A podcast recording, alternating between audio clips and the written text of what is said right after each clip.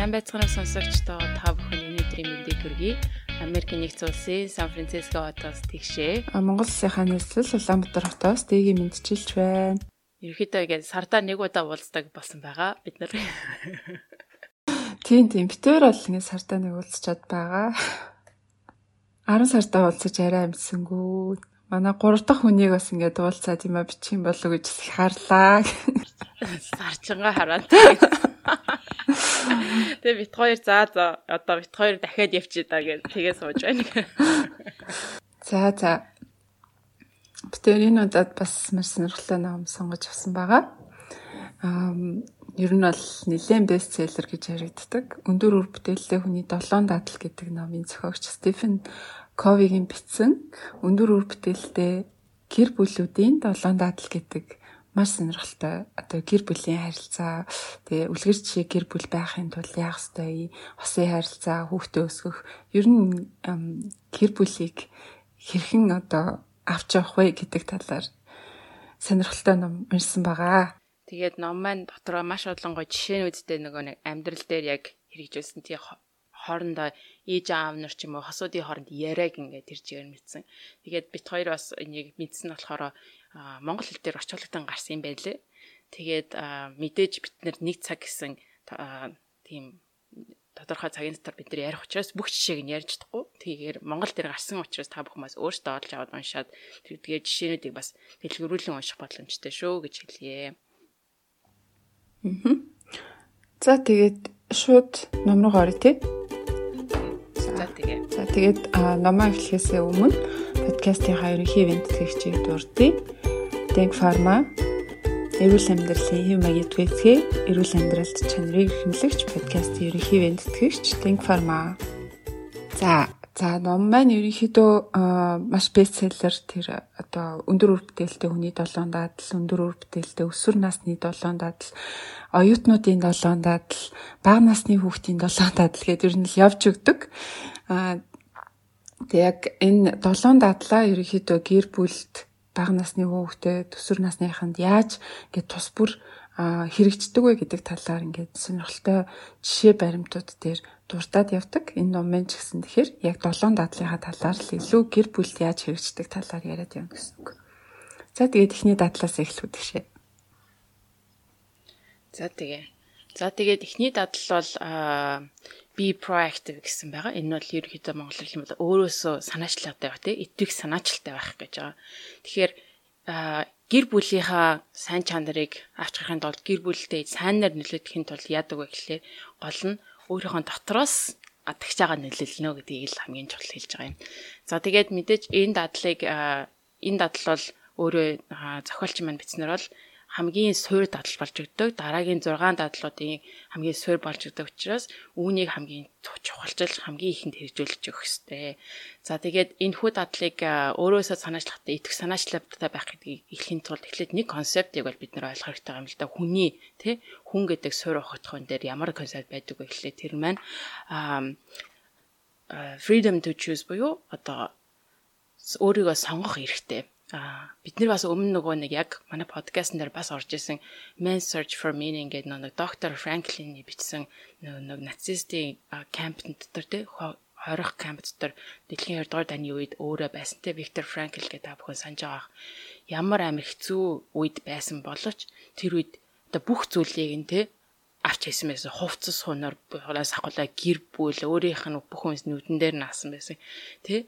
Тэгээд өөрт нь бүр ингээд бүр өөрийгөө хүндлэх тийм зүйлгөө байхад нь юу өөрт нь ганцхан зүйл хамгийн сүүлд нь үлдсэн тэр Германы нацист цэргүүд тэрнээс булааж авч чадаагүй вэ гэхээр ганцхан зүйл үлдсэн болохоор сонгох тэр эрч чөлөөг нь бол а ерөөсөө авч чадаагүй. Учир нь юм бол хүн тэрийг өөрийнхөө дотор ямар нэгэн ямар ч нөхцөл байдалд байсан а ямар хандлагатайгаар энэ хүү зүйлд хандах вэ гэдэг сонголтыг бол зөвхөн өөрөө хийдэг байсан.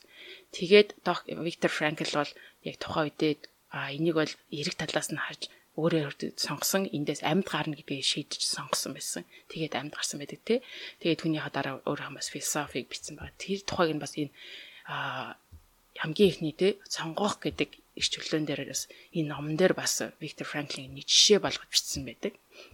За тэгэхээр хүн гэдэг бол маш тийм өөрөө өөрийнхөө зүйлийг сонгох чадвартай тийм self awareness буюу өөрийгөө ойлгодог тий түүнээс гадна ямар нэг моралтай байдаг. За тэгээд амтнаас ялгаатай гэдэг зүйл маань болохоор ямар нэг зүйлийг мөрөөдөж чаддаг одоо зураглаж чаддаг тий.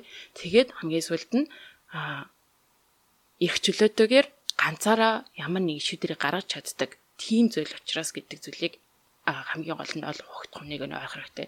Тэгээд үүн дээрээ сурлаад хэлэх юм бол энэ бол ерөөхдөө хүмүүсийн хүмүүн хүн гэдэг зүйл зориулсан тийм а одоо байгалийн маш чухал бэлэг юм тий. За тэгээд үүн дээр ийм онцлог зүйл дээр тохиолдоод та тэгэхээр гэр бүлийнхаа хариуд юу хийж чадах вэ гэхлээр а юу хийж чадах вэ гэхлээр итэг санаачлагтай өөрөөсөө санаачлагтай байх хэрэгтэй proactive гэдэг. За түүний тул энэ proactive гэдгийн эсрэг нь юу вэ гэхлээр reactive. Зарим хүмүүс яадаг вэ гэхлээр а ямар нэгэн одоо байдал тулгуурлах ч юм уу ямар нэгэн өөрийнх нь хүсээгүй тийм нөхцөл байдалд ирэхээр тухайн нөхцөл байдлаа буруутгаж эхэлдэг. За эсвэл өөр хүмүүсийг буруутгах ч гэдэг юм уу те. Аа тэгээд тэгэж ирснээрээ Жишээлбэл би одоо ийм гэр бүл төрсэн чинь ийм байх хэрэгтэй. Би жижигхэн биетэй болохоор ийм ч гэдэг юм уу. Эсвэл би ийм угаасаа муухай царайтай болохоор ийм ч гэдэг юм. Одоо ямар нэгэн байдлаар буруу буруу гаднаасаа хайх гэдгийг болохоор ихэд reactive гэж юм л та хариу үйлдэл зүйдэг. Түүний эсрэг нь болохоор proactive. Өөрөө өөрөөсөө түүнийг одоо өөрөө өөрөөсөө тэр зүйлийг итгэх санаачлалтаагаар гаргах. Өөрөө тэр ямар нэгэн зүйлийг эхлэн байх хин нэгнийг хүлээдгөө байх гэдгийг болохоор proactive гэж байна.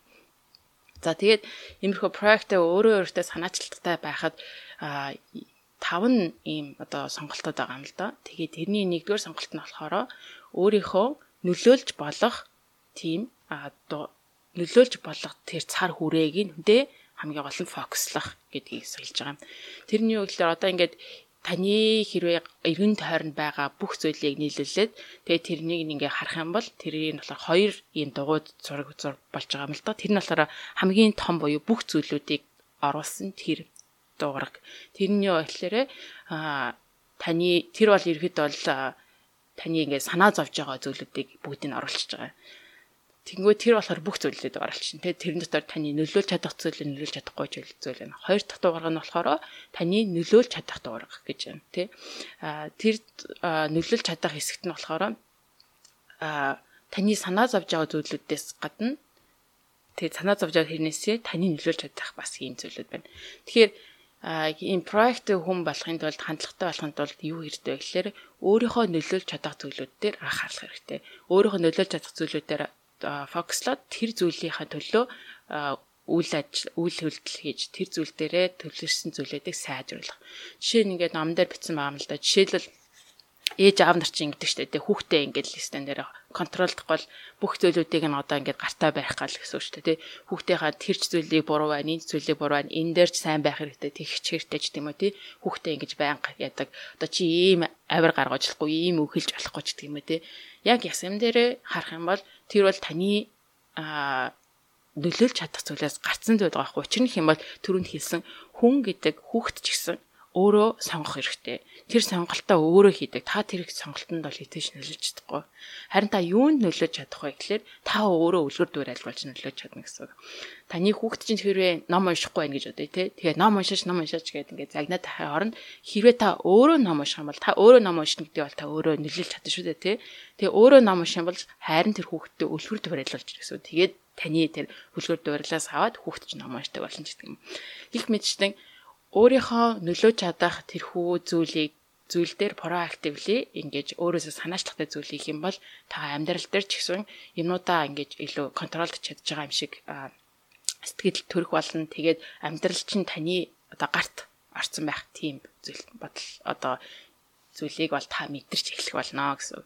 За тэгээ дараагийн нэг сонголт нь бол тиймэрхүү хил яриандаа хүртэл өдөр тутмынх үйл үгэндээ хүртэл иймэрхүү proactive үгнүүдийг бас сонгож явах хэрэгтэй. Жишээлбэл reactive үгнүүд гэх юм бол тий ямар нэгэн зүйлийг гомдолсон, одоо муусан, харьцуулсан тиймэрхүү үгнүүд байхыг бол жишээлбэл байгаа тий.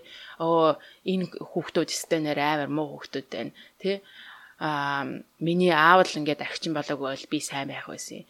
Оо миний өвөө л угаасаа тийм байсан болохоор би угаасаа ийм байх нь аргагүй ч гэдэг юм. Тэгээ энэ бол угаасаа reactive үгнүүд байгаа байхгүй юу. За тэгвэл proactive үгнүүд ямар вэ гэхлээр аа тий а би би болохоор хүүхдүүд надад уурлаад байдаг. Гэхдээ би болохоор өөрөө ингэж сонгож байгаа болохоор хүүхдүүдэд уурлуулах гэж тийм үү тий. А эсвэл миний аав архичин байсан. Гэхдээ би тэрний одоо нөхцөл байдлыг ойлгож чинь би тэрийг бол өөрөө хүлэн зөвшөөрж нөхцөл тийм өнгөрсөн хөл байдлыг хүлэн зөвшөөрөөд түүнийг уучлахаар шийдсэн. Чи өөрөө өөрөө би гэж танд хэлж байгаа байхгүй би ингэсэн гэд тий би энийг ингэж ингэж сонголтоо хийснийгаа хэлж байгаа гэсэн. Гих байдлаар хэлж болж байна. За 3 дахь сонголт нь болохоор ямар нэгэн байдал дээр харахаараа төр зогсох, pause гэж байхгүй төр зогсох те хүүтийн төр зогсоодог шүү дээ. Тэрнтэй адилхан. Төр зогсоогоод бодоод тгээ сонголтоо хий. За ингээд гэр бүлийн харилцаан дээр маш олон асуудлууд ингээд гарч ирдэг те ингээд а одоо бүгдээрээ маргалдах зүйлүүд байна. Хүүхдтэйг ялангуяа ингээл сүллөөгөө дуугаа ихсгээл тэ маргалдаад чи тэгсэнгүй ихсэнгүү гэд тэр үедээ гэр бүлтэй юу хэрэгтэй вэ гэхлээр түр зур зогсоох хэрэгтэй. Тинчээ баг ингээд нөө зохиолч манд өөрөө тэгж яахгүй толгоон дээр ийм пауз гэдэг тийм нөө товчлууртай юм шиг ханддаг гэд толгоогоо ингээд бариад ингээд дараад тэгээд за одоо төр зогсоо. За хоёлаа яриагаа төр зогсоо одоо хитрхи хаалцлаа гэж байгаа байхгүй юу.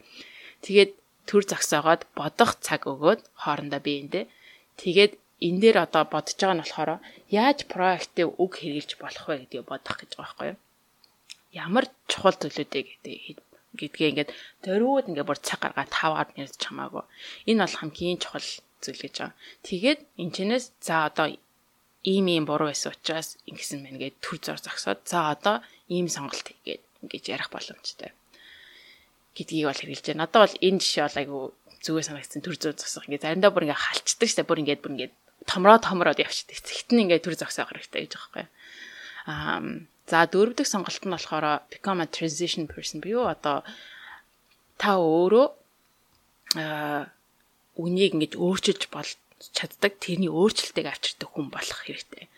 Ялангуяа ингээд нөгөө нэг өөрөө ингээд буруу дадал зуршилтай гэр бүлээс гаралтай хүн байх юм бол хүүхдүүдэд бас тэр дадал зуршлаа буруу зүйлүүдээ өгөх хандлагатай байдаг тий жишээлбэл одоо манай аав надад ингэж ширүү ханддаг байсан учраас ингэж л хүүхдээ өсгөдөг гэдэг би мэднэ. Тийм учраас би одоо хүүхдүүдэд бас ширүү хандаж өсгөн ч гэдэг юм уу тий а одоо гихэнчлэн нөгөө өмнөх бас бидний бас бусад номнуудаа гарч ярьж ирсэн шиг өөрөө яаж өссөн тэрэн шиг хүүхдүүдэд өсгөх гэдэг. Тэр нь ингээд буруу дадал зуршил байсан. Мэдсээр үжиж ингээд авчраад хийждэг тий generational trauma гэж ярьдаг шүү дээ тий тийм зүйлүүд байдаг. Гэхдээ та хэрэг өөрөө сонгох юм бол та өөрөө энэ зүйлийг өөрчлөх боломжтой байдаг. Тэгэхээр та өөрөө тэрийг сонгож энийг өөрчлөх бүрэн боломжтой гэж байна.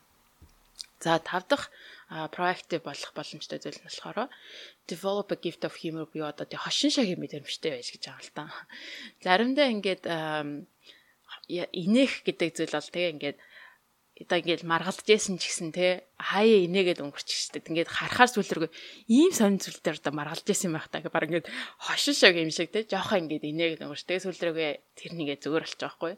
Яагаад тэгэхээр одоо хүн гэдэг зүйл чинь угаасаа хүн шүүд те алдаа гаргаж олно. Тэгээ тэрийгээ дараа засах боломжтой байдаг. Тийм учраас хүн гэдэг талаас нь хараад жижигэн зөвлж гисэн дараа алдаа гаргаад маргаанх юм бол өө одоо ийм жоохон хариу юм дээр гэж яах ингээд энийгээд өнгөрчих те. Тийм чадвартай байх хэрэгтэй гэж юм. Одоо тэгээд хамгийн сүүлд нь мэдээж та хэрвээ өөрөө ингээд proactive иймэрхүү байдлаар ягаад өөрөө санаачлахтай байх юм бол бусдуудыг бас өөрөө бас тэгэж хувийн санаачлахтай байхад урайлах боломжтой. Тэднийг бас ингэж тий inspire хийх боломжтой гэж байгаа байхгүй. Тэгэхээр ялангуяа role model нь болно гэсэн үг шүү дээ тий. Тэгэхээр ялангуяа хүүхдүүдийг өсвөр насны хүүхдүүдэд хамгийн сайн одоо багш нь бол юу гэдэг вэ гэхэлэр өөрөө яг тийм үлгэр дуурайл болох яг биетээр үлгэр дүрэл болох гэдэг бол хамгийн үр бүтээлтэй гэдэг. Тэр нь юу гэхээр хүүхэд өөрөө сонгосон таныг хараад аа миний ээж аав юм бол ийм би ийм байх хэрэгтэй юм байна тий би бас ийм зүйлийг хийж болох юм байна гэж тий харсан хамгийн үр бүтээлтэй тийм байдаг. Тэрнээс хүүхд чинь өөрөө нөө контрол өөрийнхөө шийдвэрээр өөрөө тийм басан учраас тэр зүйлийг хийхдээ маш их тийм үр бүтээлтэй байдаг гэж байгаа байхгүй юу? За тэгэхээр ерөөсөө энэ proactive гэдэг зүйл нь болохоор түрүүн дахин хэлсэнчлэн дараагийн 6 ярих тэр habit юм бол хамгийн цөм болж очих болох учраас үнийг ингээд сайн эхнээс нь хэрэгжүүлснээрээ дараагийн 6 дадал зуршлыг та илүү сайн хэрэгжүүлэх боломжтой болно гэж аим. За хоёр дахь дадал зуршил болохоор um begin with end in mind буюу зорилготой үйлдэх талаар, зорилготой амьдрах талаар байгаа юм л да. Ер нь бол гэр бүлтэй ямар нэг алсын хараа зорилгыг авчрах хэрэгтэй. За энэ дээр ингээ нэг жишээгээр хэлж байгаа юм л да. Онгоцны нисгэгчтэй гэ та одоо бид нар хаашаа явж байгаа юм бэ гэд зорчигч онгоцны нисгэгч асууж чинь мэдгүй одоо тэгэл харсан зүгтээ явандаа гэвэл танд ямар санагдах вэ? Эсвэл ингээд байш барьж байгаа барьлагчнаас ч та юуны барьлага барьж байгаа юм гэхээр за сайн мэдгүй байна гэдэг тэгвэл та танд ямар санагдах вэ? Тэгэхээр альва зүйл гэдэг зорилготой байдаг. А альва зүйлийг хийж эхлэхэд эхлээд mental creation буюу хүн толгойдоо ямар даасан хараа зорилготой хүнийг хийж байгаа гэдгээ эхлээд төлөвлөдөг те а тэгсийнхаа дараа жигдээсээ хийж эхэлдэг. Тэгэхээр гэр бүлийн зорилго гэж юу яриад байгаа гэхээр хэрвээ одоо ямар нэгэн зүгээр л ингээд дурсгалаараа байдаг те орчин нөхцлөөсөө шалтгаалаад үйлдэл хийдэг саяын тэгшээ ярьсан ихний дадал зуршил дээр ингээд реактив буюу ингээд орчин нөхцөл хариу үйлдэл хийдэг тийм байвал ер нь бол одоо амьдралын янз бүрийн асуудлууд гарч ирэхэд сэтгэл хөдлөлөөрөө бодлогогүйгээр үйлдэл хийх алдаа гарах магадлал өндөр байдаг. А харин энэ 1 2 дугаар дадлыг хэрэгжүүлээд итвэхтэйгээр зориг бодлоготойгоор үйлдэл хийх юм бол амьдралын янз бүрийн асуудлуудад автлаггүйгээр асуудлыг амжилттайгаар давж гарна гэсэн тийм санаа байгаа юм л да. За тэгээд зориг гэж ярихаар тэр гэр бүлийн харж байгаа жилийн зориг байж болно. Сарын 7 хоногийн өдрийн ч гэдэг юм те тиймэрхүү байж болно. Эсвэл ямар нэгэн зүйл хийхдээ зүгээр тодорхой хэмжээний зорилго тавьж болно. За аяллахаа зорилгыг тодорхойлъё. Энэ аялал бидний хувьд одоо юм сурах аялал байх юм уу? Эсвэл зүгээр сайхан амрах аялал байх юм уу? Эсвэл тэр орны талаар илүү ингээд мэдрэх хоолыг нэгдэг ч гэдэг юм те ингээд ямар зорилго тавихаас хамаарат аялал янз бүр байж болно юунд мөнгөө зарцуулах юунд цагаа зарцуулах уу гэдгийг ч гэсэн ойлгомжтой болно а тэгэхээр тэр янз бүрийн зүйл хийхдээ л ер нь бол зорилгоо сайн тодорхойлох хэрэгтэй гэсэн зүгээр ингээд хөдөлмөрч хичээнгүй байх хангалтгүй тэ хүн чинь альва зүйлийг хийхдээ алсын хараа утга учир зорилго гэдэг зүйлийг бодхоос өөр аргагүй а зүгээр л хичээнгүй хөдөлмөрч байх байсан юм бол амтэн ч гэсэн тэгж чаддаг штеп. Наад захын шоргоолч хичээнгүй хөдөлмөрч байдаг шүү дээ гэсэн тийм үг аа бас хэлсэн байгаа юм. За тэгэхээр зохиогчийн маань ажигласнаар болохоор одоо юм зориггүй амьдарч байгаа гэр бүлүүдэд нэг юм буруу шин чанар байдгаа гэдэг. Эхнийх нь болохоор тухайн гэр бүлийн гишүүдийн ялангуяа өсвөр насны хүүхдүүдийн тий гэдэг тухайн гэр бүлийн одоо хүмүүжил төлөвшлэн төр гэж ярьдаг шүү дээ монголоор тэр зүйл нь би яг ямар хүн юм бэ? Би яг ямар одоо хин юм бэ гэдэг дээрээ нэг тийм ойлголтгүй байдаг. Identity гэдэг зүйл байдаг шүү дээ. Тэр нь ингээд эцэг эхээс авсан зүйл нь бат бөх биш байдаг. Гэр бүлийн хүмүүжил төлөвшлэн бат бөх биш гэсэн үг шүү дээ. Ягаад тэгэхээр манай гэр бүлийн хувьд ийм зүйл үнэт үнд цэнтэй бид нар ийм зүйл хүрх гээд хичээгээд байгаа гэдэг тэр зүйлээ а тодорхойлоогүй болохоор хүүхдүүд нь ер нь ингээд дурсгалаараа эн тентхийн нөлөөнд автамтгай, үе тэнгийн нөлөөнд автамтгай, сошиал медиа юу гэдгийг тэ орчны янз бүрийн зүйлд уруу татамтгай тиймэрхүү хүүхд болох магадлал байд юм байна.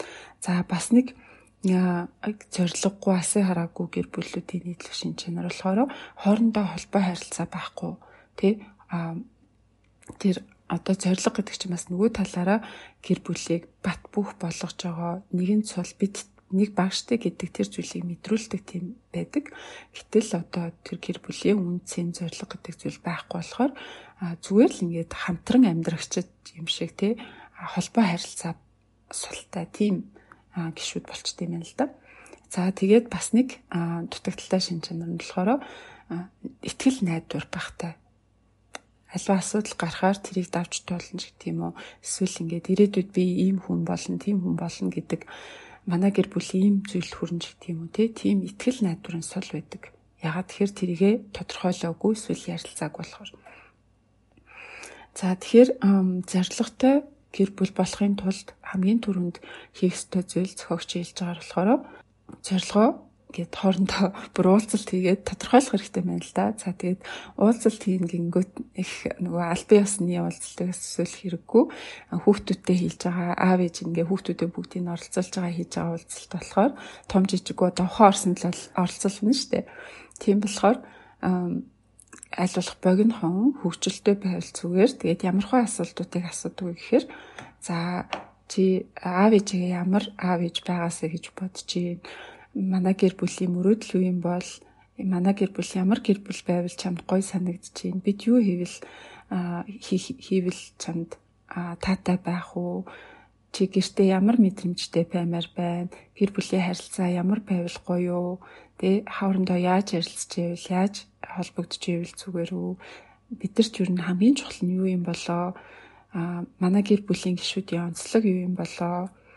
Бидний одоо хариуцлага тий хүн болгоны үүрэг хариуцлагыг чи юу гэж бодож их мэдлэн эдгээр асуултуудыг нэг нэгнээс асуух байдлаар хийвэл зүгээр тоглоом байдлаар ч юм уу тий тэгээд нэг хийхдээ цөөхөн цөөхөн минутаар гээд хит хитэн удаа хийгээд тэгээд нэг ихний драфт буюу нуургоо гаргах хэрэгтэй байна л да тэрийг бичгээр заавал гаргах хэрэгтэй гэж байна. Одоо энэ зохиогчийн гэр бүлийнх нь болохоор манай гэр бүл ингээд тавтай тухтай нөхөрсөг дотн урамсгалтай гэр бүл байх болно. Бид эргэн тойрныхоо бусад одоо community те хүрээлэн байгаа хүмүүстэй тусалдаг гэр бүл байх болно. Нэг нэг нэгэ нэг нэгнээсээ одоо суралцсан одоо альва үйлдэл хийхдээ тэр талаар сайн эргцүүлж бодсон ухаалаг шийдвэр гаргадаг тийм гэр бүл байх болно гэдэг ийм одоо өөртөө гэр бүлийг тодорхойлсон асын хараг хийжсэн юм л да. Тэгээ тэрийгээ ингээд бүр бичээд хан дээр нааж исэн. Тэгээд ингээд тэнд чинь бүх насныхаа хүүхдийг оролцуулж байгаа ш 5 хүүхэдтэй илүү дээ. Агуул хүүхэдтэй. Тэгээд бүх насныхаа хүүхдийг оролцуулаад бүр хамгийн бага хүүхэд нь хүртэл оролцоод тэгээ нэг өдөр ингээд орой унтахын өмнө 3 настай хүүхдээсээ хандан байгаа ингээд зургнуудыг харуулад өө ийм гоё гоё зураг чи зурсан юм уу? Энэ гэр бүлийн зураг байна, энэ тийм байна гэсэн байна. Энэ зургнуудаас хамгийн дуртай зураг чи аль вэ гэдгсэн чинь нөгөө 3 4 настай хүүхэд нь гэр бүлийнхаа асын харааг бичсэн цаас руу цаагаад энэ гэд тэгсэн юм л дээ. Ягаад тэгэхээр тэрийг хийж яхад гэр гэр бүлээрээ айгүй гоё тоглоом тоглоод их ярилцаа тий холбоо харилцаа үүсгэж хагаад бид нар нэг баг шүү дээ гэд ингээд тунх гэлж бичсэн тэр цаас гэдгийг 3 4 настай хүүхд хүртэл ойлгосон байна гэсэн үг. За тэр хүүхэд энэ ярианд бас оролцохдоо мэдээж хэрэг одоо өөрийнхөө хэмжээнд л оролцсон тий. Тэгэхээр ингээд юу гэж чинь гэдгийг бас аав чинь зураг зураг зуруулаад авсан гэж байгаа. Зураг зуруулаад тэр зураг нь тэр гэр бүлээ яг юу ямар онцлогийг нь ягаад ингэж зурсан гэдгийг нь асуух байдлаар тэр хүүхдэд ч гэсэн юу үнцэнтэй вэ гэдгийг нь асуугаад тэгээд бүх хүний санаа бодлыг илэрхийлсэн байдлаар дундын юм асын харааг тодорхойлох нь хүн болгонд одоо үн цэнтэй тийм асын хараа тодорхойлоход хамгийн чухал байдгаа гэсэн тийм санаа гаргаж байгаа. За тэгээд ийм асын хараагаа ингээд нооргийн гаргачлаа тий тэгээд ингээд бас тухайн явцдаа а эн чинь ийм байна, ийм болох хэрэгтэй байна гэж жоохон жоохон өөрчлөлт явж болно. Тэгээд хэсэг хугацааны дараа тэрний шинжилэгдээд Тэгээ гэр бүлийнхаа ер нь бол зорилгыг жилдээ нэг удаа шинэ жилээр ч юм уу те. За энэ жил бид нэр зорилгоо биелүүлсэн юу юу хийж чадав асын хараандаа тохирох юу юу биелүүлж чадав юу юу хийж чадсангүй гэж дүгнж ярилцдаг. Тэгээд дараа жилээ бас хамгийн чухал дараа жил юу юг хийх үү гэдгээ бас ярилцдаг юм уулзалт бөөндөө хийвэл зүгээр шүү гэсэн юм зөвлөгөө байгаа юм.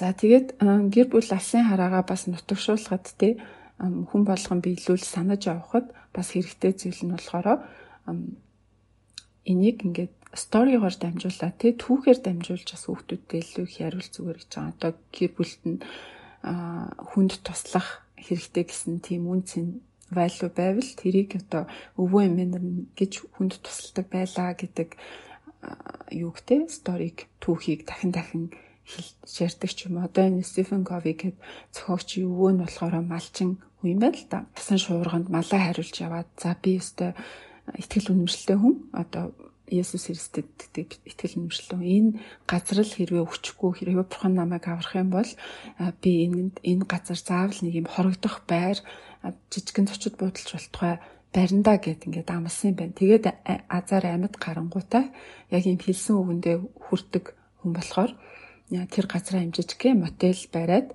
тэгээд тэр мотел нь уг нь бол ингээд эзгүй зэлүүд газар тэг хинч явдггүй тийм газар барьсан мөртлөө ягаад ч ингээд хүмүүс айгүй эрэл хэрэгцээтэй бас эргэн тойронд нүгэр газар байдгүй байсан болоо тэр тэгээд олон жилийн дараа том хотел болсон юм түүхтэй байна. Эннээс энэ өвөөгийнх нь түүхийг ингээд хүүхдүүдтэй ярихдаа зохиогч болохоор ингээд хэлсэн амандаа хүрэхтэй тууштай байх хөдөлмөрч байх гэдэг гэр бүлийнхаа үн цэнийг бас ингээд хүүхдүүдэд ойлгуулахын тулд ярьдаг. Тэнгүүд хүүхдүүд тэрийг сонсонгууд зүгээр үнцэн одоо үнэн чудраг бай хөдөлмөрч бай гэж хэллэхээс те илүү одоо элен зүгийнхоо түүхийг сонсох юм бол илүү ингээд хүрдэг. Аа би чинь тийм удам угсаатаагаар одоо үнцэнтэй гэр бүлээс гаралтай хүн шүү дээ гэдэг тэр одоо identity-ийн бүрэлдэхүүн өөрийгөө тодорхойлох хүн цэнэ олоход нь илүү их тусалдаг.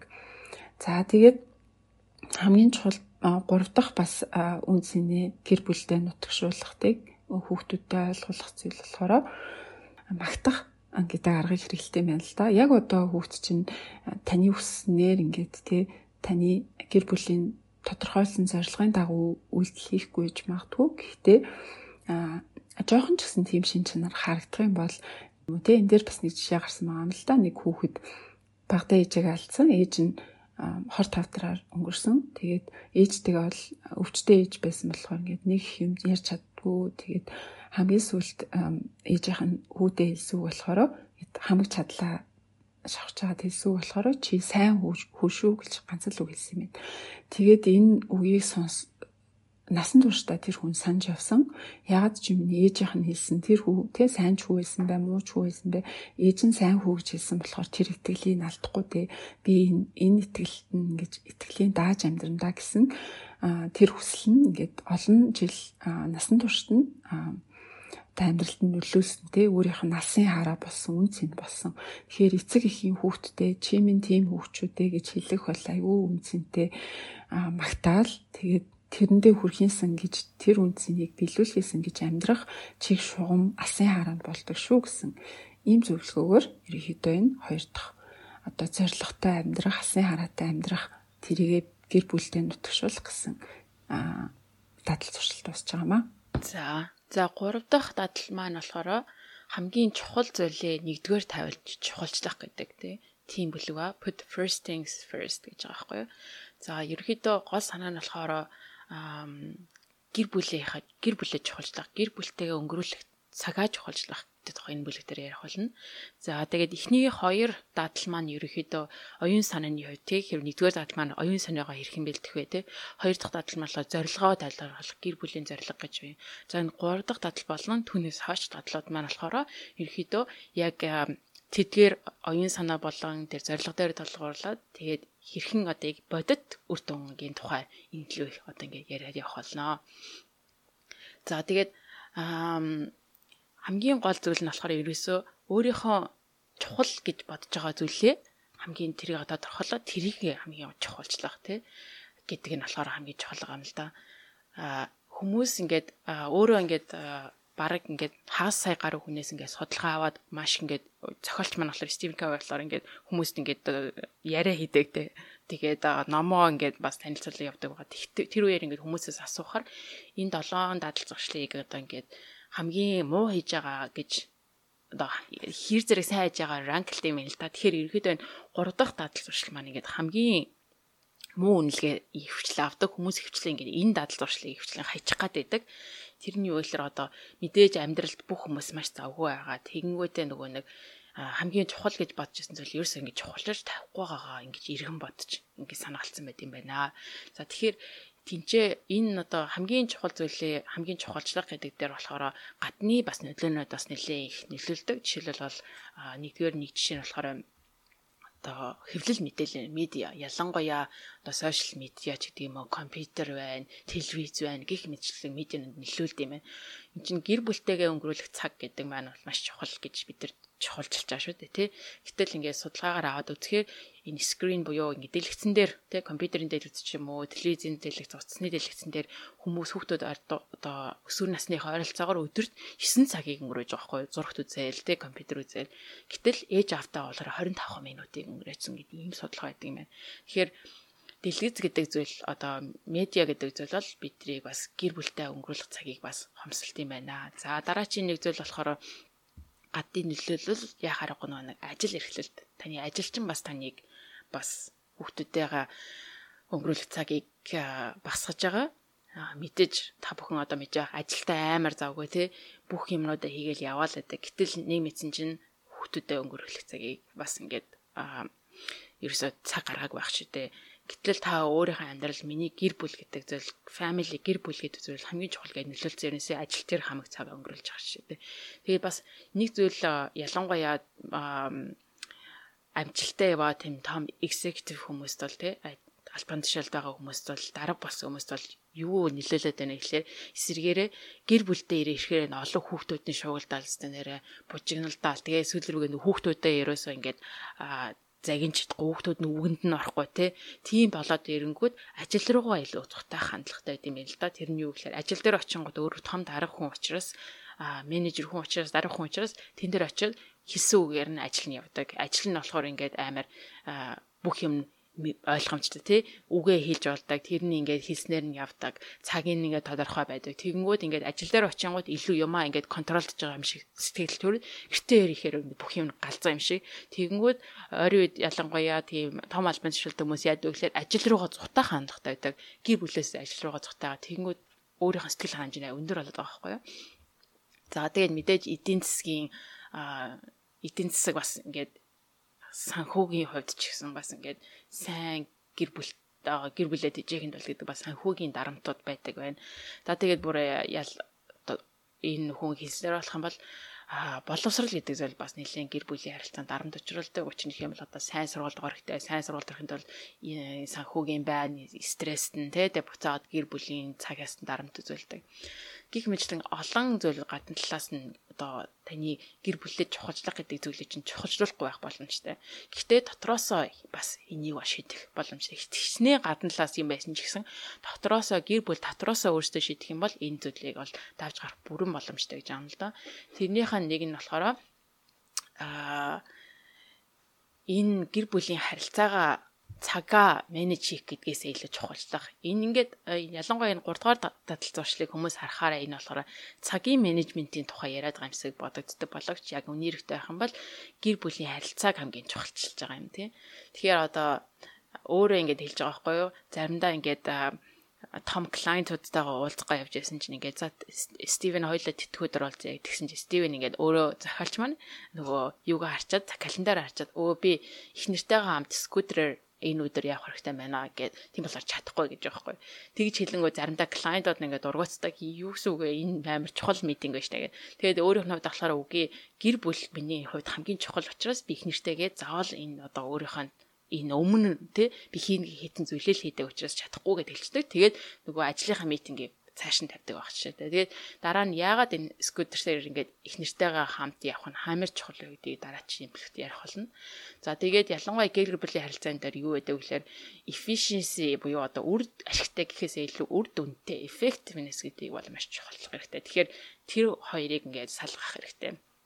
За тэгээд бас гэр бүлээ хамгийн нэгдүгээр тавихын тулд бол ингээд байнга л ингээд чухал зүйлээ чухалчлах хэрэгтэй. Тэрнээс биш одоо яаралтай зүйлийг чухалчлага биш. Ялангуяа амьдралд бидний амьдралд ингээд өдөр тутам болохоор яваад ирэхээр ерөөсөө бүх зүйлээс ингээд цаг одоо их болохгүй одоо ярихгүй болохгүй бүгд л ингээд дедлайнтай ч юм уу? Ингээд яг одоо ихгүй байх юм бол баларлаа ч тийм тийм зүйлүүд яг тохиолддог. Тэгээд ингээд яг нарийн ярих юм бол тэр нь үнэхээр чухал зүйл байна уу? Эсвэл энэ яаралтай хийх зүйл байна уу гэдэг. Тэгэхээр яаралтай хийх зүйл болгон чухал байдаггүй. Тийм болохоор түүнийгээ сайн ингэж ойлгох хэрэгтэй. Заримдаа ингээд яаралтай энэс чухал биш зүйл байх юм бол тэрийг ингээд хайчсан ч болно. Яадаг чухал биш шүү дээ тий тэгээд шинэ хэм бол эрүүл мэндийн тал дээр ялангуяа зөв хооллолт дээр дасгал хийх гэдэг маань болохоор өнөөдөр л хийхгүй байх юм бол та баларах гээд байгаа зүйл биш. Гэхдээ маш чухал зүйл байгаа байхгүй. Та ингээд насан туршийнхаа амьдралыг бодох юм бол эрүүлэндээ бодох юм бол одоо чухал зүйлүүдийн нэг байгаа байхгүй. За за тэгээд энэ дундаас болохоор Big Rock Family System гэж нэг юм байгаа юм л доо. Тэр нь болохоор ингээд хамгийн чухал ийм чулуунуудаа тодорхойлох тий Big Rock-од тодорхойлох.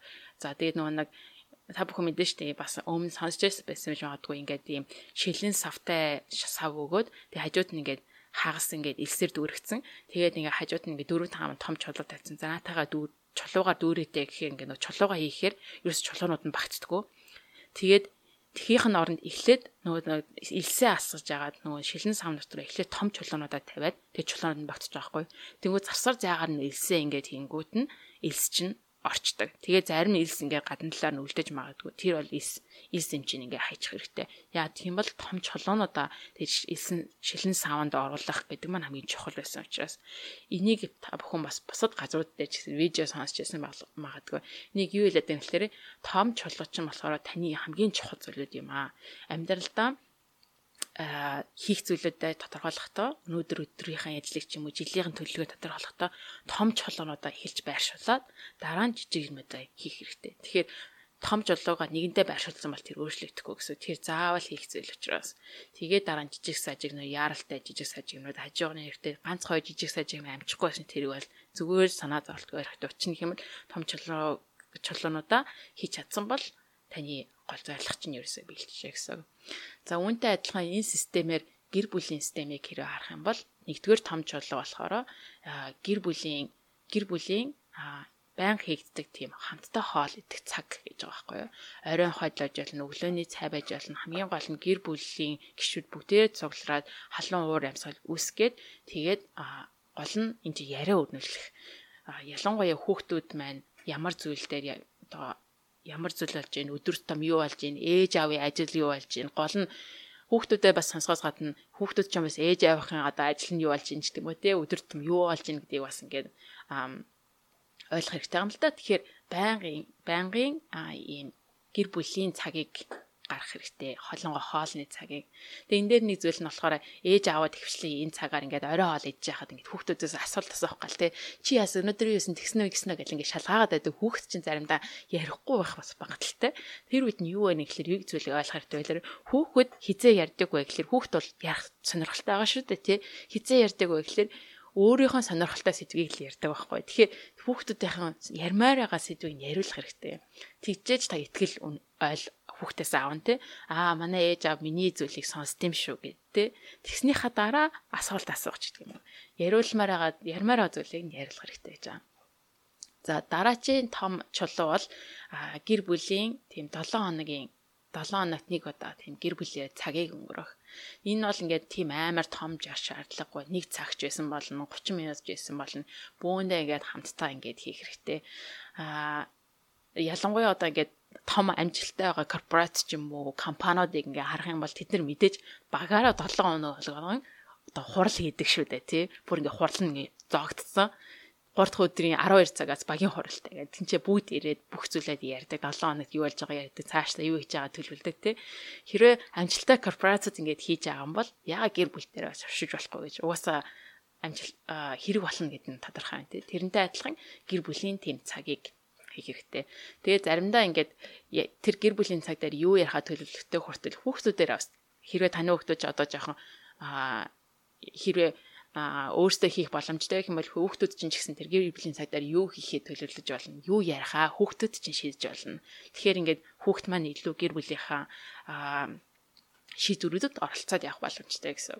За 3 дахь том чулуу байх юм бол гэр бүлийн уламжлалыг гаргах тий.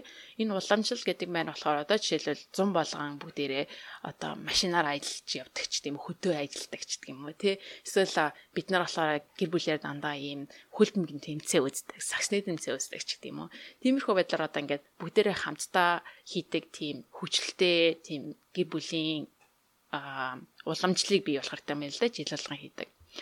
За тэгээд дөрөв дэх том чулуу болохоор one on bonding time буюу одоо нэг нэг нэг бүрчлэн нэг хүүхдүүдтэй нэг нэгээр нь уулздаг тийм цагийг гаргах хэрэгтэй. Энэ бол бусад хүмүүс ерөөс оролцдог. Зөвхөн ганцаар одоо шил ээж охин хоёрын цаг ч гэдэм үү те ээж хүү хоёрын цаг яг ингээд зөвхөн хоорондоо байдаг. Тэгээд ингээд хоорондоо байхдаа ярьдаг сэдвтэй те. Яг ингээд би би биэндээ итгэдэг тэр цагийг маш чухалчлах гарах хэрэгтэй.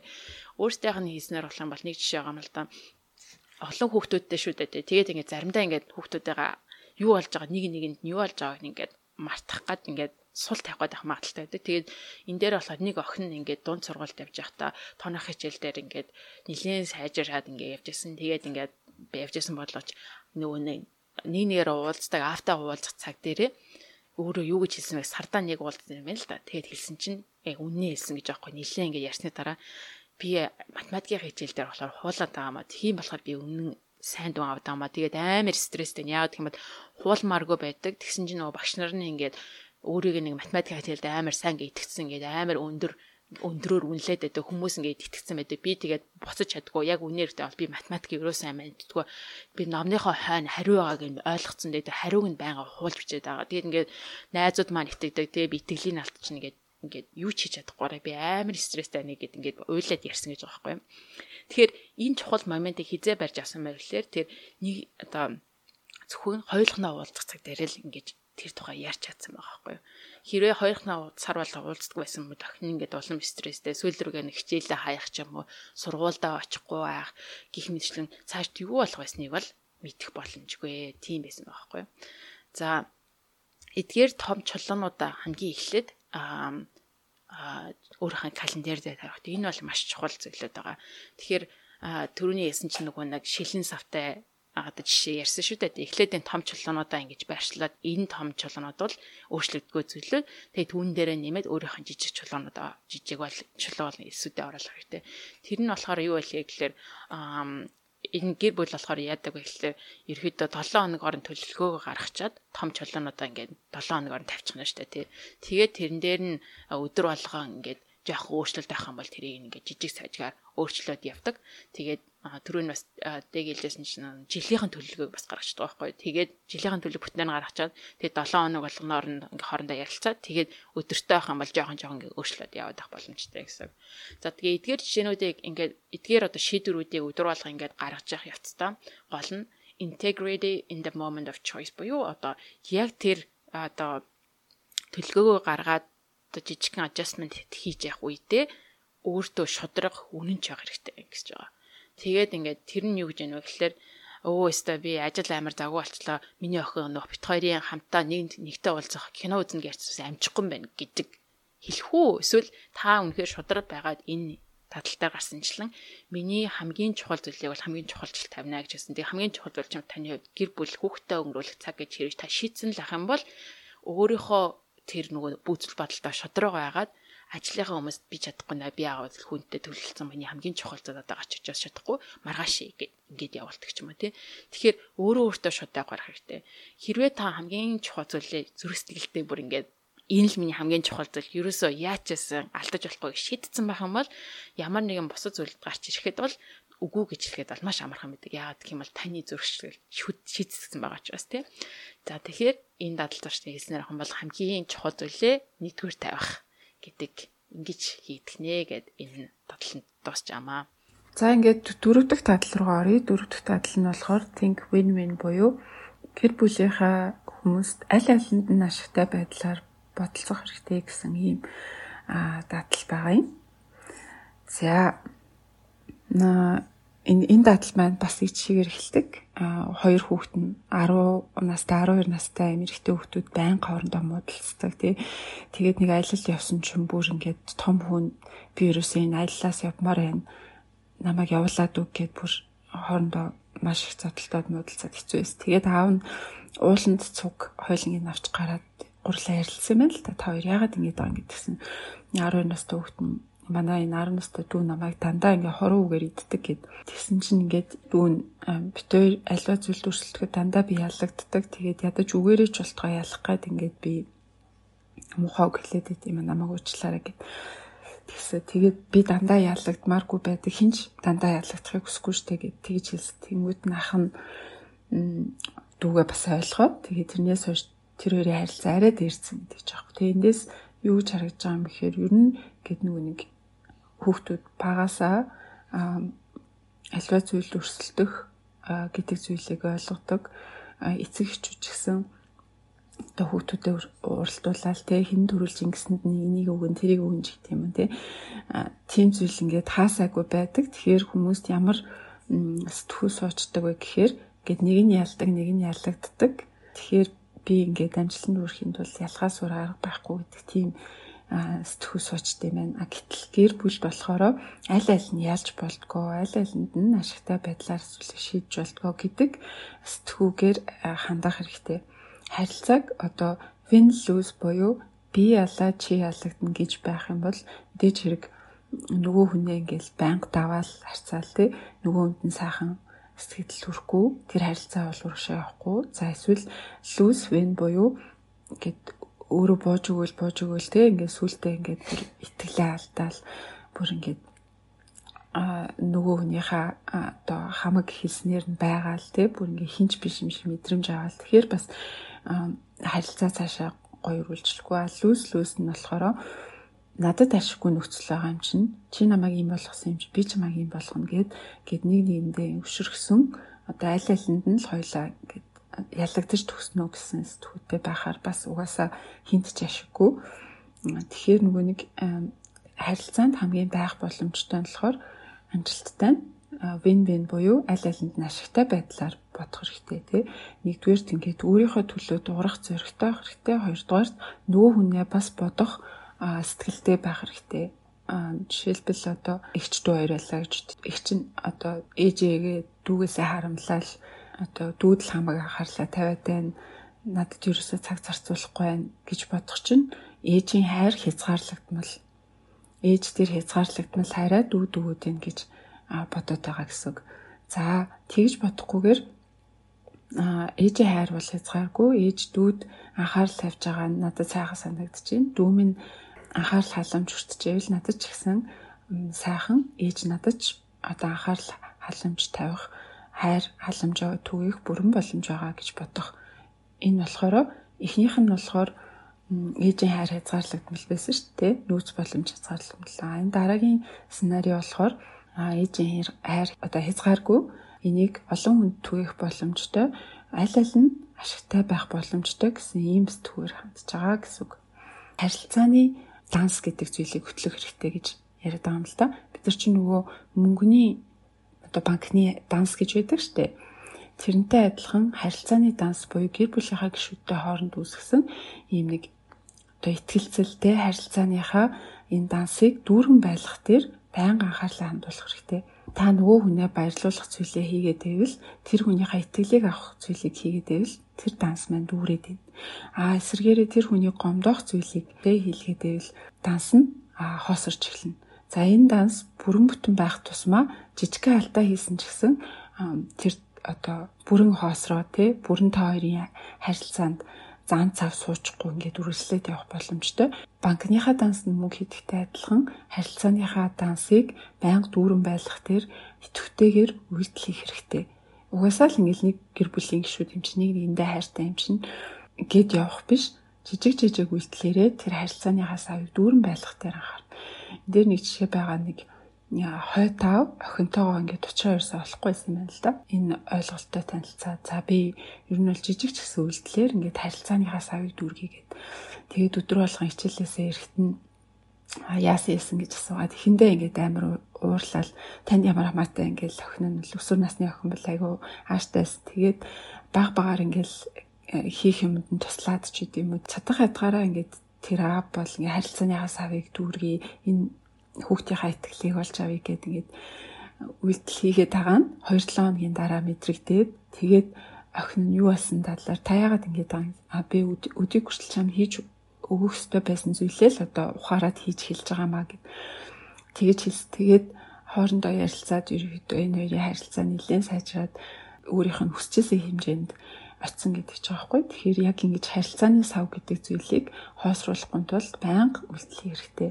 За тэгээд жижиг юм үйлдэлээс гадна энэ дээрс а одоо хэрвээ нөгөө хүний гомдоосон бол уучлал гуйх тий а тэн дээр анхаарах зүйл нь болохоор нөгөө хүн чинь илүү буруутай байж болно гэхдээ хэрвээ таны гаргасан жижиг ч гэсэн буруутай үйлдэл байгаа бол тэндээ хариуцлагатайгаар уучлал гуйх энд л уучлал гуйхын үнцэн оршноо тэрнээс биш би баг буруутай тэр их буруутай. Тийм болохоор тэр надаас төрүүлээд уучлалахгүй хэрэгтэй шиг тийм эсвэл а би нэг уучлалгүйсэн дүр эсгээд нөгөө хүнээ уучлалгуйлах чи эсвэл би дотроо буруугүй л дээ. Гэхдээ буруутай гэдгийг нөгөө хүндээ ойлгуулахын тулд уучлаарай гэд хэлчихий чи тийм тийм нэг олон талын бодолгүйгээр зүгээр өөрийнхөө жижиг ч гэсэн буруутай байгааг үнэнчээр хүлээгээд уучлалгуйхад энэ харилцааны сав одоо дүүрнэ За мөн одоо харилцааны саваа дүүрэхэд одоо хүүхэд эцэг эхчүүдийн хооронд амлалт маш маш чухал үүрэгтэй байдаг. Нэгэнт өөрөө амлалцсан бол одоо гүйцэтгэх гэдэг бол одоо хүүхдийн хувьд чухал ач холбогдолтой бас одоо гэр бүлийнхаа гишүүдийг нөгөө гэр бүлийн гишүүд юм уу эсвэл бүр гадны хүмүүст ингэж муулж ярих манай энэ нэг өстой нэр арчаагүй яадаг идэгэл ээж аваад чинь хүүхдийнхаа бусдын хүмүүс шүмжлээд гэхдээ тэгэх бол бүр ингэж харилцааны савыг дундруулах маш тийм хүчин зүйл болдог. Байхгүй үед нь ч гэсэн хүүхдээ одоо сайнаар хилдэг те боддог ярьдаг тийм байх бас аюул чухал. За тэгээд win-win agreement буюу харилцаа ашигтай гэрээ байгуулах гэдэг жаа юм л да. Одоо зарим зүйл дээр бол тохиролцох хэрэгтэй болдгоо. За энэ дээр нэг жишээ гарсан нь болохоор нэг өсвөр насны охин байсан. Ахлах сургуульд ороод нэлээд хөдөлгөөнтэй ингээд үерхэл хайр нөхөрлөл гэдэг ингээд нэлээд гадуур явчих гаа. Тэгээд хичээл сурлаганд нь тэр муугаар нөлөөлчих гээд байсан. Тэгэнгүүт ээж аав нь ингээд нэг өдөр за одоо ярья тий а ээж аав нь бол ингээд чиний асуудлыг сонсомоор байна юу болоод байгаа лээ гэ. Тэгээд эхлээд ингээд яриулсан айгуу сайхан. Тэгээд нөгөө охин чинь одоо бүх зүйлээ яриа тий ингээд надад энэ энэ хэцүү байна. Одоо миний хувьд ингээд найзуудтай нөхөрлөл үүсгэх гэдэг бол хүрээлэл үүсгэх гэдэг бол айгүй чухал үн цэнтэй байгаад байна. Тэгээд өмсөж зүүж байгаа зүйл ч гэсэн надад маш өмнөхөөсөө чухал болчлоо гэх мэтлээ. Яг ингээд тэр хүүхд тулгамж байгаа асуудлуудаа бүгдийг ярангууд ээж аав нь ингээд аа за би тэр ч гэсэн өсвөр насндаа байсан. Ийм зүйлс чухал байдаг үе бас байдаг. А чамаа гэсэн ойлгож ийн. А за одоо чи битэрийн ярихыг сонсч болох уу? гэдээ асуугаа. За болно гэд за битэрийн хувьд чиний аюулгүй байдал. А тэгээд ирээдүй чинь маш чухал. Битэр чамд хайртай болохоор энийг хэлж байгаа чиний ингээд дүн тодорхой хэмжээнд сайн байх хэрэгтэй бүр бүр мундаг байгаагүй тодорхой хэмжээнд сайн байж иж ирээдүйд одоо их сургуульд орох боломжтой болно. Тэгээд гурлаа яах хэрэгтэй вэ ярилцмаар байна. Тэгээд охин та нар надад энэ энэ зүйл дээр ингээд эрх чөлөөг минь олгож болох уу? Тэгэх юм бол би одоо яг хичээлээ таслахгүй энэ энийгаа хийгээд орой тетэн цагаас өмнө ирээд гээд өөрөө бас санаачлуудаа шийдлүүдээ яриад байгаа юм л та. Тэгээ хоёр тал нь яг ингээд дундаа буугаад тэр бүх тохиролцсон зүйлсээ гэрээ болгож бичээд гарын хэсэг сурсан гэж байгаа. Охин бүр гарын хэсэг сурахыг ингээд санаачлаад тэгэхээр нэг ийм дундаа тохирсон, харилцан тохирсон одоо гэрээ үлдэх гэдэг юм уу те тохиролцоо бий болгох гэдэг бол айгүй чухлаа. Энэ бас одоо айл алинд нь ашигтай харилцааны нэг хэлбэр байж болно гэж хэлээд энэ бүлэгмэнд тусч байгаа. За. За дараагийн 5 дахь дадал бол 5 дахь бүлэг маань болохоор эхлээд хүнийг ойлгоод дараа нь өөрийгөө ойлгуулах гэдэг seek first understand then to be understood гэдэг энэ бүлэг байгаа. За тэгээд ялангуяа энэ бие биенийгээ ойлголцох тий ялангуяа communication гэдэг энэ зүйл дээр бол ажил дээр ч бай, амьдрал дээр ч бай тэгэл ингээд юуны гэр бүлийн харилцаанд ч хамгийн чухал зүйл байдаг. Тэгээ ялангуяа одоо corporate corporate амьдрал дээр ингээд харах юм бол энэ бие бинийгаа ойлгох, ойлгоогоос асуудал гарах гэдэг бол маш чухал асуудал их гардаг тий. Тэрнтэй адилхан гэр бүл дээр бас адилхан. За тэгээд гол нь энэ чинь логик нь болохоор яг энэ дараалалаараа хамгийн эхлээд ойлгох эхлээд тэр нөгөө хүнээ ойлгож дараа нь өөрийгөө ойлгуулах гэдэг нь болохоор энэ энэ энэ тав дахь дадлын хамгийн чухал логик нь хамаа. За тэгээд төрөн дэгийн хийсэн харилцааны данс гэж данс гэж тий харилцааны одоо emotional bank account гэж аахгүй тэр харилцааны даасан дээр болохоор хамгийн бас чухал энэ дүүргэж өгдөг нэг зүйл байх юм бол нөгөө гэр бүлийн нөгөө гişүүдээ ойлгох тэрийг ингээ бүр зүрх сэтгэлээрээ ойлгох гэдэг нэг тийм зүйл бол энэ emotional bank account-ыг сайн дөрвиж өгдөг зүйлээ. За тэгээд энэ хүү бүлэг маань болохоор нэг жишээгээр эхэлж байгаа юм л да.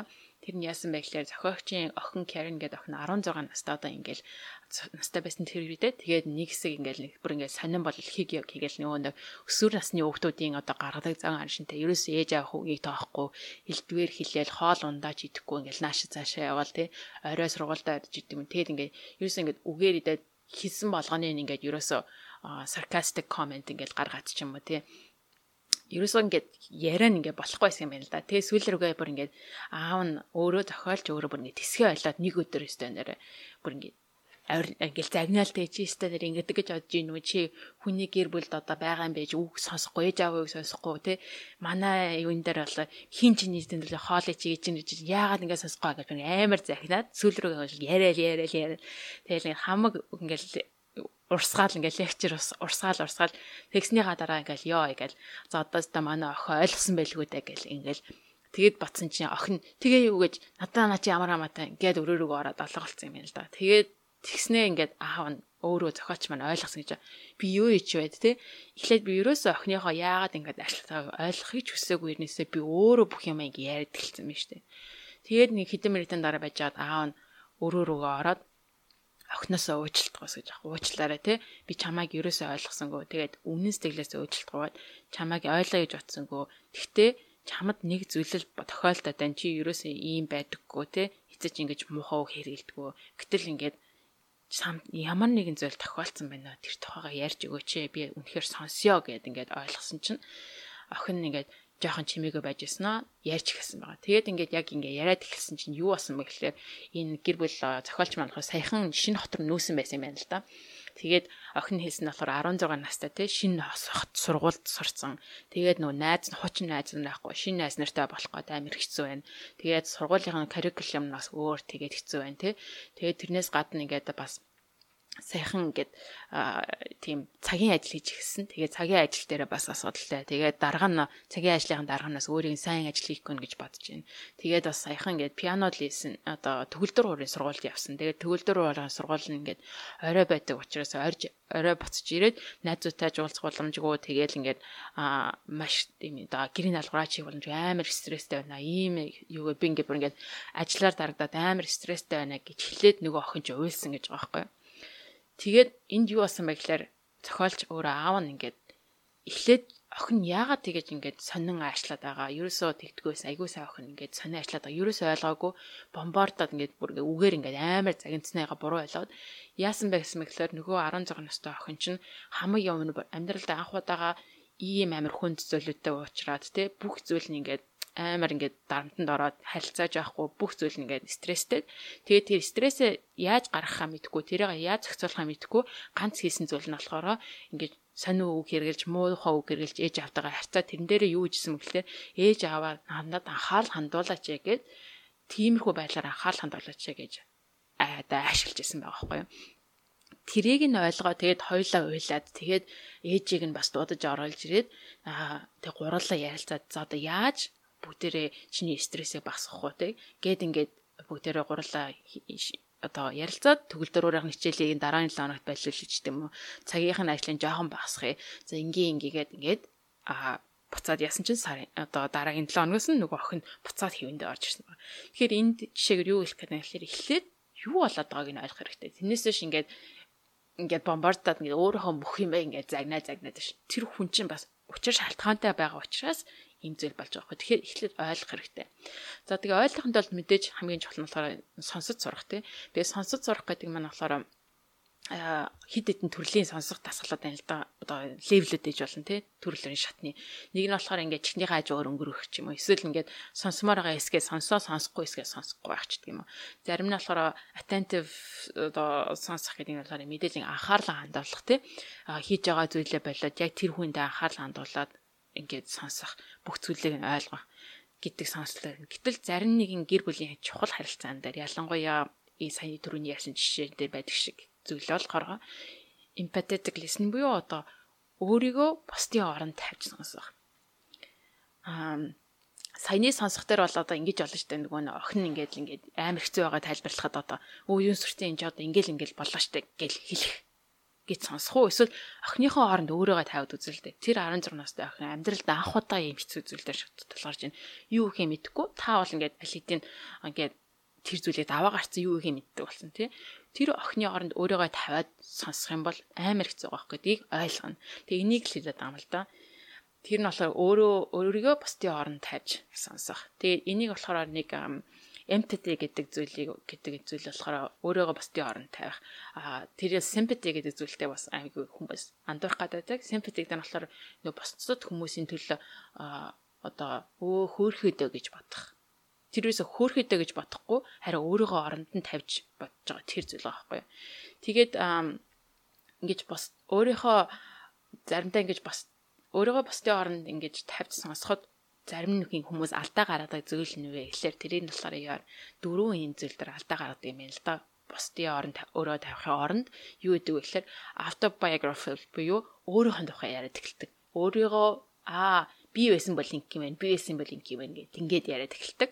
Ингээ сонсож явахдаа тэрний нэг нь болохоор нэгдүгээр нь болохоор дүгнэж эхлэх evaluating те нэг зүйлийг ингээл яриад эхэлжсэн чи өө тэгвэл тэгцэн байж тээ гэл те өө тэгсэн гэдэг чинь чи ядарсан байж тээ гэд ингээд өөрийнхөө байдлаас нөгөө тэр хүний хэлсэн зүйлийг дүгнээд эхэлдэг. Эсвэл зөвлөгөө өгч эхэлдэг. Өө чи тэгвэл тэгвэл тэр нь зүгээр штэ. Чи тэрийг туршиж үзээг юм уу?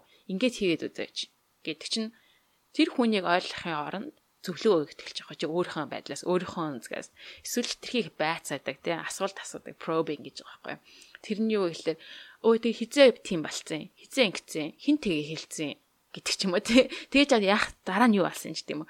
Тэгээ одоо ингээд хидэрхий нөө байцаалд асуугаад байхгүй итгэхгүй байх гэсэн шүү дээ нөгөө хүндээ ойлгож байгаа ярьж байгаа хүндээ. Эсвэл одоо орчвол өөрийнхөө орчвол гэдэг чинь тийм юм болцсон байсан гэсэн үг юм байна шүү дээ юм бэ тий. А яагаад гэдгийг нь асуухын оронд ингээд өөрийнхөө орчуулад өө тэр хүнд тэгж хэлсэн гэдэг чинь чи ингэсэн гэсэн үг юм байна штэ тий гэд ингээд өөрийнхөө баястаар орчуулад асуух тий.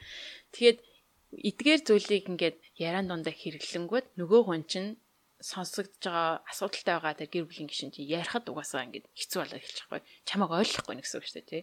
Яадаг юм бол чи өөрөө өөрийнхоороо ингээд дүгнээд өөрийнхоороо зөвлөгөө өгөөд өөрийнхоороо ингээд асуултыг байцаагаад өөрийнхоороо орчуулад ингээд хэлэнгүүт чи ерөөс ингээд нөгөө хүн чи ярихаа болж байгаа байхгүй юу.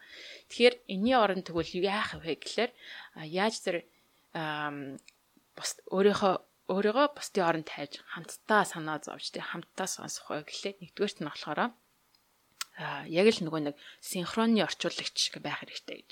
Тэр нь юу гэхэлэр нөгөө нэг синхронны орчуулагч нар чинь ингээд яг сонссон юм аваад тэр чигээр нь орчуулж гаргадаг шүү дээ. Тэрнээс биш нэмж хасдаггүй шүү дээ. Тэ одоо синхронны орчуулагч өө тэгсэн гэж бодож чинь би тэгтээ нэг буруу гэж бодож чинь гэж ингээд хизээч хэлдэггүй шүү дээ.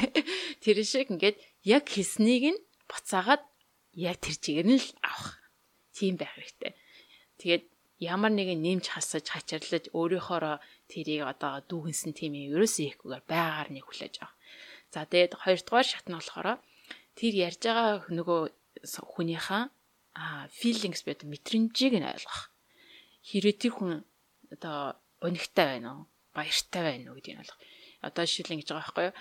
Оо а нэг жишээ нь болохоор ингэж байгаа байхгүй юу? А нэг охин нь болохоор ингэж өө би а би найз залууд найз одоо найз бандтайгаа өнөөдөр салчлаа гэд хүрээд ирж байна. Тэгэнгүүт юу гэж хариулж болох вэ? Тэр нөгөө хүнийх нь филинг нь дуртай байна уу? Одоо баяртай хэлж гин үү? Эсвэл гонигтай хэлж гин үү?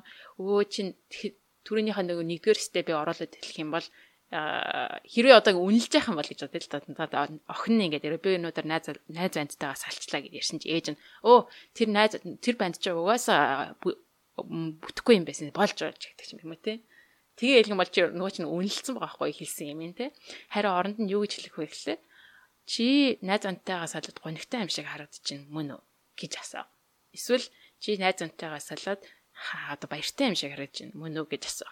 Энэ болохоор юу гэсэн бэл ерөөсөө чи э, би миний одоо ээжийн хоног болохоор тэнцээ тэр охины хийсэн үйлдэлийг дүгнэлт сэгнээгүү байгаа байдлыг нь л яг хэлж байгаа байхгүй юу чи тийм юм шиг харагдаад байна мөн үү гэж асуух. Тэгээд тэгсэн чи хайр эсрэгээр охин үгээ би ах гонигтай байна гэд. Өө чи сая ингээд орж ирэхдээ амар баяр хөжилтэй би найзантайгаа салчтаа гэж хэлсэн. Гэтэл яг үнэртээ ясан байр гонигтай. Тэгээ гунгаа нуухын тулд илүү энэ хуурамч баяртай юм шиг харагдсан гэдэг ч юм уу тийм. За тэгээд 3 дахь гэдгийг нь ойлгож байгаа байхгүй. За 3 дахь шатан дээр нь болохоор clarifying question би юу одоо тодруулах асуултууд асуух. Төрөүний нөгөө хэлжсэн шиг нөгөө нэг probing буюу одоо ингээд мөрдөн байцаалт гэж юм шиг асуух хизээ яасан хизээ гэсэн юм биш. Харин эсрэгээрээ өөрөө хэрвээ чи ярьж байгаа үний хувьд ойлгоогүй байх юм бол тэрийг асуух гэж би тэгж ойлголоо энэ зөв гэдгийг тий гэдэг энэ бас одоо энийг бол ялгаж залах хэрэгтэй. Тэгээд энэ үед бол мэдээж ямар нэг үнийг сонсож байхдаа бол маш тийм зөөлөн бөгөөд бас төвчээртэй байх хэрэгтэй. Яагаад гэх юм бол хүн өөрийнхөө сэтгэлийг бодлоод бүх зүйлээ ингээд ухаад гаргаж ярьж байгаа гэдэг чинь тэр хүний хувьд бол ингээд бүх зүйлээ онгойлгоцсон байхгүй юу? Маш тийм эмзэг тэр үед нь та байгаа учраас тэр хүнтэй маш зөөлнөн а тэгээд төвчээртэй байх хэрэгтэй. Хүн болгоны гэж бүх зүйлээ ярьдаг уг нь уг нь бол өөр шүү дээ зарим хүмүүс ингээл бүх зүйлээ нэг мэдэнтэй ярина зарим нь бол цагийн дараа хамгийн нөө чухал зүйл яаж эхэлнэ тийм болохоор тэр болгон дээр нь а маш тийм ойлгомжтой хандах хэрэгтэй. За ингээд хүнийг ойлгож сурлаа гэж байгаа хгүй. За тэгээд ингээ ойлгож сурцсан бол за ойлгосныхаа дараа за одоо та өөрийгөө танилцуулах. Одоо ингээд өөрийнхөө тал өөрийнхөө мессежийг нөгөө хүндээ хүргэх хэрэгтэй.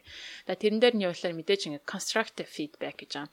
Constructive feedback нь болохоор бас олон номуудаар гарч идэг тий. Энийг нь бол зөв шатн дээр нь тэр зөв фидбэкийг өгөх. За тэгээд энэ өгч байхдаа бас юу гэж хэрэгтэй гэхээр I буюу би гэдэг зүйл дээр тулгуурлаж өгөх. Жишээлбэл ярихдаа болохоор тий би тэгж бодож байна. Би харсан чинь надад тэгж байна гэж чи өөрийнхөө тэрнээс чи тэгээд байна. Тийм болохоор чи тийм байна гэж хэлэх биш. Тэгэхээр чи гэд яриад хэлчихэнгүүт одоо шил чи буруу хийж байна. Чи одоо ингээд тийм болохоор гэр бүлд ерөөс оролцохгүй ч тийм юм тий. Тэрний оронд надаа харагдаж байгаа болохоор чи ингэж байгаа юм шиг харагдаад байна. Би тэгээд чи гэл хүрд оролцохгүй юм шиг санагдаад байна гэдэг тэр чи өөрийнхөө зүйлийг ярьж байгаа шүү дээ. Тэрнээс ш нөгөө хүнийхээ тухай яриад эхлэх юм бол буцаагаад нөгөө хүнийгээ чөмдлөд ирж байгаа гэсэн байхгүй. Тэгэхээр эдгээрийн ялгааг нь ас шалгаж өөрийнхөө мессежийг хүргэхдээ бас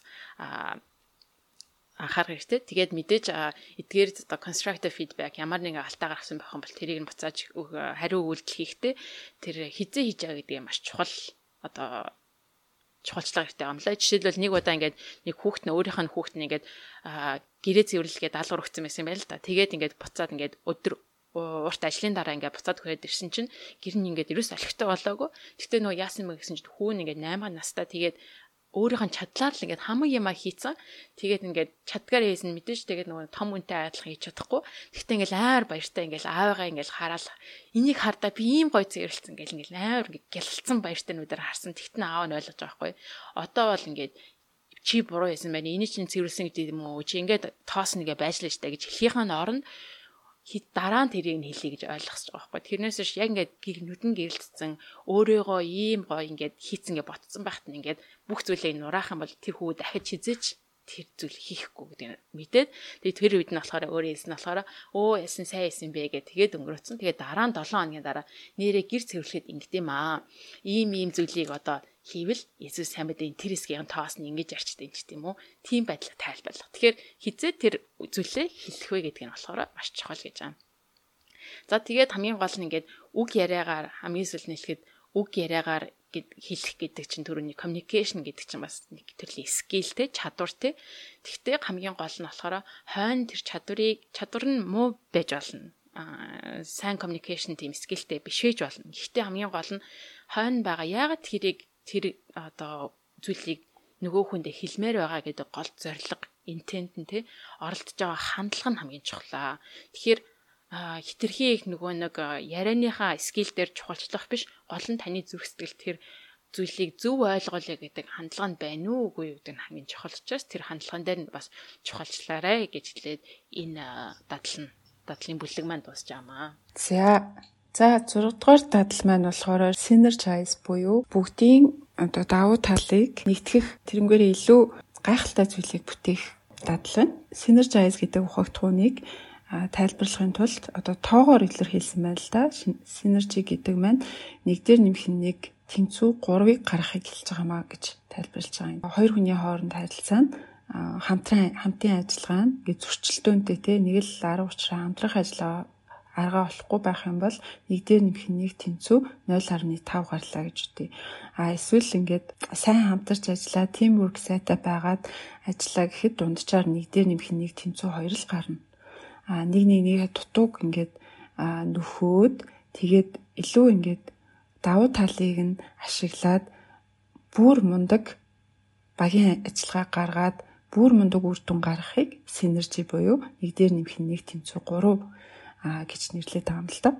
Угаасаа багаар ажиллах гэдэг чинь ямар хэцүү байдаг вүлээ те хүмүүс ингээд хүмүүсийн арга ивийг олно, учрыг олно, тэгээ түүхтэй а за тэгээ конфликт зөрчилдөөн болвол бүр ингээд ажил талаар нурна тий иймэрхүү зүйлийг хүн болгон мэддэг хэцүү гэдгийг мэддэг. Гэхдээ нөгөө талаараа бас илүү том үр дүн авчрах боломжтой гэдгийг нь бас гадралдаг. За нэг оюутан за би энэ ганцаараа ажиллана илүү амархан юм шиг байна гэд презентац бэлтгэхдээ ингээд ганцаараа ажилласан юм л. Тэгсэн хажууд нь ингээд багаараа ажилласан хүмүүс бас байсан. Тэгээ илтгэлээ тавьсан чинь ганцаараа ажилласан оюутан маань гэд өөрийнхөө хэмжээнд үзүүлээд нөгөө дараагийн баг нь ингээд гараад үзүүлсэн чинь илүү мундаг мэдээлэлтэй тий? Айгу олон оролцсон болохоор олон талаас нь судалсан мэдээлэлтэй. За тэгээ персентаж тавих чадвар нь ч гэсэн тэр 4 5 хүнээс хоёр нь бол өөрөөс нь маш илүү мундаг чадвартай байсан болохоор тэр хоёр нь ингээд төлөөлөө тавингууд маш мундаг мэдээлэл илтгэсэн гэх мэтчлэн. Тэгээд тэрнээс харж байгаа оюутан за би дараагийн удаа ингээд ганцаараа ажиллахгүй багаараа ажиллаж үзэх хэрэгтэй байна. Тэгээд сорих хэрэгтэй байна. Илүү мундаг үр дүнгийн төлөө хичээх өөрийгөө дайчлах хэрэгтэй байна гэж ингэж дүгнэлт хэлчихсэн юм. За яг энтэй адилхан гэр бүл гэрлэлт гэдэг бол хүн болгоо мэдээж хэрэг өөр өөрийн сул тал байгаа тий. Гэхдээ бас давуу тал байгаа. Давуу талаа илүү яаж нийлүүлж гайхалтай зүйлийг авчрах вэ, бүтээх вэ гэдэг тэн дээр тогтдог. За тэгээд одоо синержи илүү мундаг зүйлийг бүтээхэд эхлээд одоо өөрийгөө бас тодорхой хэмжээнд дарах хэрэгтэй. Аа буулт хийх хэрэгтэй гэсэн юм хэсэг байгаа юм л да. За энэ дээр жишээлбэл нэг А байсан юм л да. Хүүхдүүд нь эрэгтэй хүүхдүүд нь аягүй тийм мундаг сагсаар хичээлдэг өөрөө бас энэ сагсны засгалжуулагч аав. Тэгээд хамгийн бага хүн болохоор за би сагсаа хаяна ахлах сургуулийнхаа саксны багаас гарна. Надаа маш дарамттай байна. Би ахны шиг мундаг сакс тоглолтгүй гэдэг ингээд гисэн. Тэгээ аав нь болохоор ингээд гэр бүлийнх нь уламжлал болцсон тий хөвгүүд нь бүгдээрээ юм. Аа саксчин болохоор хүүгээ ингэж хэлэхэд маш шоконд ороод тий чи яагаад ингэж байгаа ингээд маш гомцсон ч гэсэн. За ер нь сонсоод үзье. Яг юу болоод ингэж байгаа юм бол гэд сонссон байна. Тэгсэн чинь за чи ингээд сагсан дургүй мүү гэсэн дуртай гинэ. Ягаад сагсныхаа багаас гарна гэдэг юм гэсэн би ах нар ах нар шигээ сайн сакс тоглолтгүй надад ингэж бусдад харьцуулагдах маш хэцүү байна. Бүх хүн зөвхөн таач биш бусад хүмүүс ч гэсэн ах нартай намайг харьцуулдаг. Би тэдэр шиг сайн тоглолтгүй гэд. За тэгээд аав нь болохоор өөрийнхөө за чи ингээд өөрийнхөө хэлснээр шууд ятгаад сагсаа тоглолт багтаа үлд гэж хэлж болох байсан. Гэхдээ хүүгээ ойлгоод тэгэхээр хэцүү байгаа юм байна. Гэхдээ сагсандаа дуртай гэж юм. Тэгээ хоёлаа ярилцж агаад гинтгэн хоёуланд нь яг адилхан санаа төрсөн. Тэрний байсан мэхээр ягаад хоёулаа цоошин өөр баг бүрдүүлж болохгүй гэж заавал ягаад ахлах сургуулийнхаа саксны багтал сакс тоглох ёстой гэж гээд тэгээд хоёулаа зүгээр чөлөөт нэг хотын өөр саксны баг бүрдүүлэнгүүтээ аав нь өөрөө тасгалжуулагчаар ажиллаад тэгээд ингээд хүн ч гэсэн дуртай саксаа тоглож чадсан аав нь ч гэсэн хүүгээ одоо сакс тоглуулна. А тэрнээсээ гээд амьдралынхаа утга учирыг кафег авна гэсэн ахуулна гэсэн те тэр өгсөл нь хэвээрээ байсан. Одоо биелүүлж чадсан. Тэгэхээр ингэж аль нэгнийх нь хүслээр биш хоёулангийнх нь дундын шийдэл гарсан гэдэг нь болохоор энэ синержи буюу илүү мундаг үр дүн гарсан а гэсний одоо нэг жишээ байгаа байгаа юм л да. За тэгээд хоёр дахь бас синержигийн жишээ нь болохоор а нэг нэгнийхээ одоо давуу талыг илүү томсгон сул талыг илүү одоо нүхэнтэй нэг нэгнийхээ дутууг нүхэн гэж ярьдаг штэ. Тэр зүйл аягүй чухлаа гэж зохиогчийн ихнэр Сандра болохоор нэгэн юм маш тийм токсик буюу одоо нэг нэгэндээ байнга ингэж хортой нөлөөлөл үзүүлдэг тийм гэр бүлийн талаар мэдтiin байл л да. Тэгээд тэр гэр бүл болохоор нэг одоо хүн нь нас барсан юм байна. Тэгээд нас барсан чинь ношуулган дээр нь гинтхэн нөгөө гэр бүлийн бусад гишүүн энэ маань ийм ч сайн хүн байж билээ. Амьдт нь анзаарахт нь явда. Ийм ийм сайн талууд байсан штэ. Бид нар гээд айгүй харамссан байсан. Тэнгүүд нөгөө ихнэр нь одоо цогч юм ихнэр юу гэж ажигласан бэ гэхээр хүмүүс яагаад амьдтаа ингээд нэг нэгийнхаа давуу талыг ингэж сайн анзаарч тий өө ийм давуу тал байгаа юм чинь би энтэйгээ ингэж харьцаж болох юм биш бид хоёр ингэж хамтарч болох юм биш үү гэж хардггүй болоо ягаад дандаа сул талыг илүү томруулж хараад идэх юм болоо гэж гэж хэлсэн байгаа юм. Тэгэхээр яг энтэй адилхан одоо гэр бүлийнхаа гишүүдийнхаа давуу талыг нь илүү харъя. Энэ дээр тулгуурлаад яаж хамтдаа харилцаагаа илүү гоё болгох вэ гэдэг талаас нь харьяа гэсэн санаа байгаа юм. За тэгээд гурав дахь бас нэг чухал поинт нь болохоор нэг цуглаан бас юм л да. Тэр цуглаан дээр нэг одоо нэлээ олон жил ханилсан хос гарч ирээд битээр ингээ хоорондоо нэг маргалдж байгаагүй. Сүүлийн 10 жил огт маргалцснаа санахгүй байна гэж ирсэн. Тэгсэн чинь бүр хүмүүсийн нүдэн орой дээр гарах гээд энэ хоёр одоо юу яриад байгаа юм уу та хутлаа яриад байгаа юм болов гэд ингээд айгүй эргэлцээтэй баг шүүмжилсэн юм байна. Та хоёрыгаа худлаа яриад байгаа. Та хоёр баг юм маргалтын сайхныг мэдгүй байна да ха ха ха гэд баг шоолоод тэгсэн чинь ингээд зохиогч болохоор юу гэж дүнсэн бэ гэхээр тийм гэр бүлүүд байдаг аа. А ховор боловч байдаг. Энэ хүмүүсийн онцлог нь болохоор санал зүрэлтдгүүдээ биш угаасаа хүн болгон өөр тийм болохоор санал зүрэлтэх зүйл зөндөө гарна. А одоо санал зүрэлтж байгаа мэддэг. Гэхдээ одоо нэгний хаяалгаатай талыг хүлээн зөвшөөрөөд 50 замаар харилцах арга учраа олсон байдаг гэр бүлүүд юм аа. Угаасаа гэрэлт гэдэг чинь амаргүй гэр бүлийн сал дээр ажилладаг хуульчийн хэлж байгаагаар болохоор салж байгаа гэр бүлүүд нэг нэгний хаяалгаатай байдлыг даван туулж чадсангүй гэдэг юм шалтгаанаар салах тохиолдол их байдаг, маш их байдаг.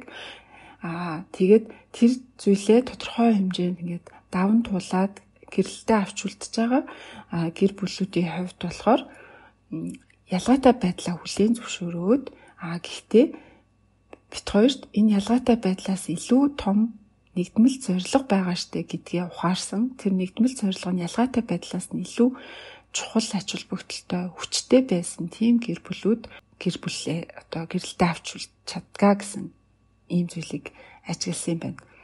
Тэгэхээр нөгөө нэг буцаад 20 дугаар дадал нь аягүй чухал гэсэн үг шүү дээ. Гэр бүлийнх нь алсын хараа нүүн цэн нь нэгдмэл зорилго нь юу вэ гэдг нь аягүй чухал. Тэрийгэ холж харсан байх юм бол ялгаатай байдал гэдэг нь угаасаа л хүмүүсийн хооронд байдаг зүйл тэрийг давж туулахад илүү төхөн болно гэсэн үг. За тэгээд 3 дахь шийдлийг хайж болох гэсэн ухагтун байгаа юм л да. За 3 дахь шийдлийг хайж болсон нэг жишээ нь болохоор за угаасаа гэр бүлтлийн санхүүгийн асуудлууд байдаг тийм нэг гэр бүл ингээд нөхөр нь ингээд амар өндөр тийм орлоготой ажил хийдгүү. Тэгээ эхнэр нь болохоор дансыг барьдаг, гэр бүлийнхаа дансыг хөтэлдэг тий. Тэгээ аль болох ариу чимэгч байх гад үздэг. Тэгэнгүүт нөхөр нь буудан авмаар байсан. Бууд айгүй хуучирсан. Тэгээд нэг хойлоо дэлгүүрт очиод харс чинь маш гоё тийм буудан байсан. Таалагдаад за энийг хойлоо лизингээр авчиг гэдгсэн. Тэгсэн чи эхнэр нь болохоор үгүй яах юм хойлоо жоохон боди гэ тэгээд нөхрөө тэр дэлгүүрээс аваа гарсан юм л да. Тэгээд нөхөр нь ингээд жоохон уурлаа чи намайг ичхтэй байдалд орууллаа гэд.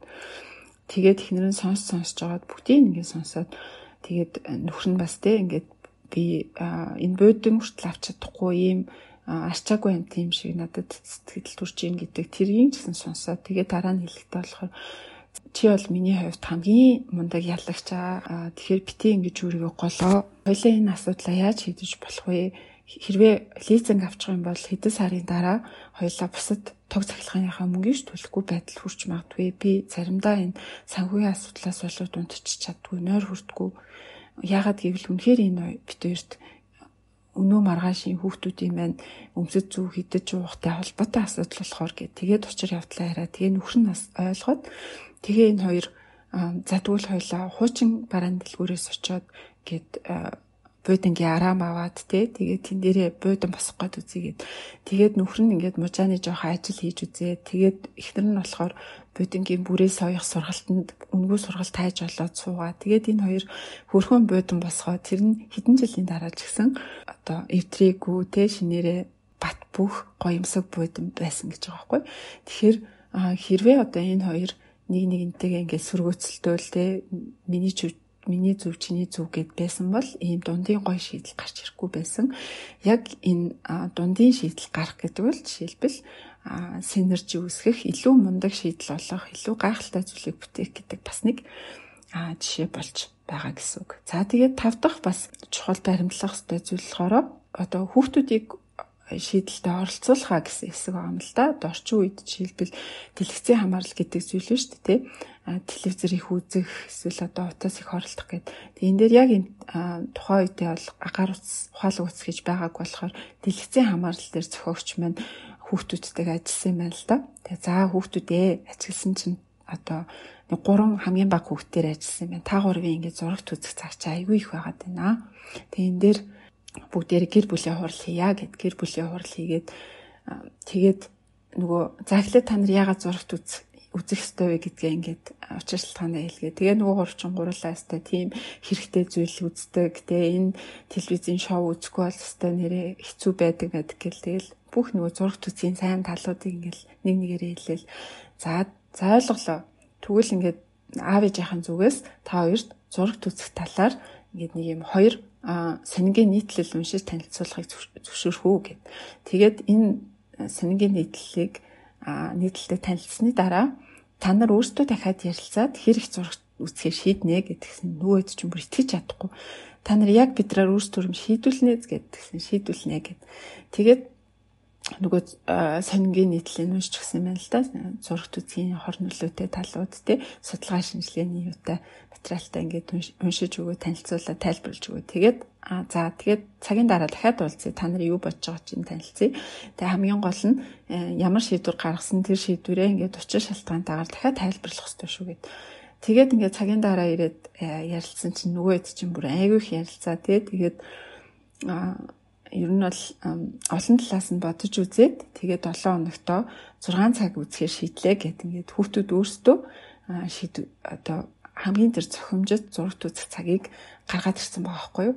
Тэгэхээр хэрвээ аав ээж нь та нар 7 хоног 6 цаг л үзэх ёстой. Энэ чинь ийм хор хөнөөлтөй зүйл гээл хэлээл ингээд лекц уншсан байсан бол хүүхдүүд магадгүй нууж үзэн өвөл итгэсэн байдалтай нөгөө харилцааны дансан дундарн тий одоо аав ээж нь ихтгэл хүлээсэнгүү гэдэгт урам нь хугарна гэх мэтчлээ олон сөрөг зүйл тэр гэр бүлд ингээд үр дагавар учирч магадгүй байсан. Гэтэл аав ээж нь хүүхдүүдээр өөрсдөр нь оролцуулаад баг өөрсдөө шийдүүлээд энэ шийдлийг гаргаж ирсэн болохоор бэлэг магадлал илүү өндөртэй. Хамгийн гол нь хүүхдүүд хүчээр биш өөрсдөө ухамсарлаад шийдээд хийж байгаа болохоор үр дүнд хүрсэн гэсэн үг.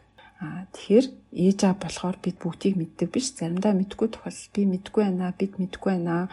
Ярилцъя илүү сайн шийдэл байж магадгүй төлөө хайцгаа гэж хэлэх ч гэсэн муугүй байдгийн шүү гэж хэлээд 6 дахь дадал юм байна гэсэн үг дуусчаамаа.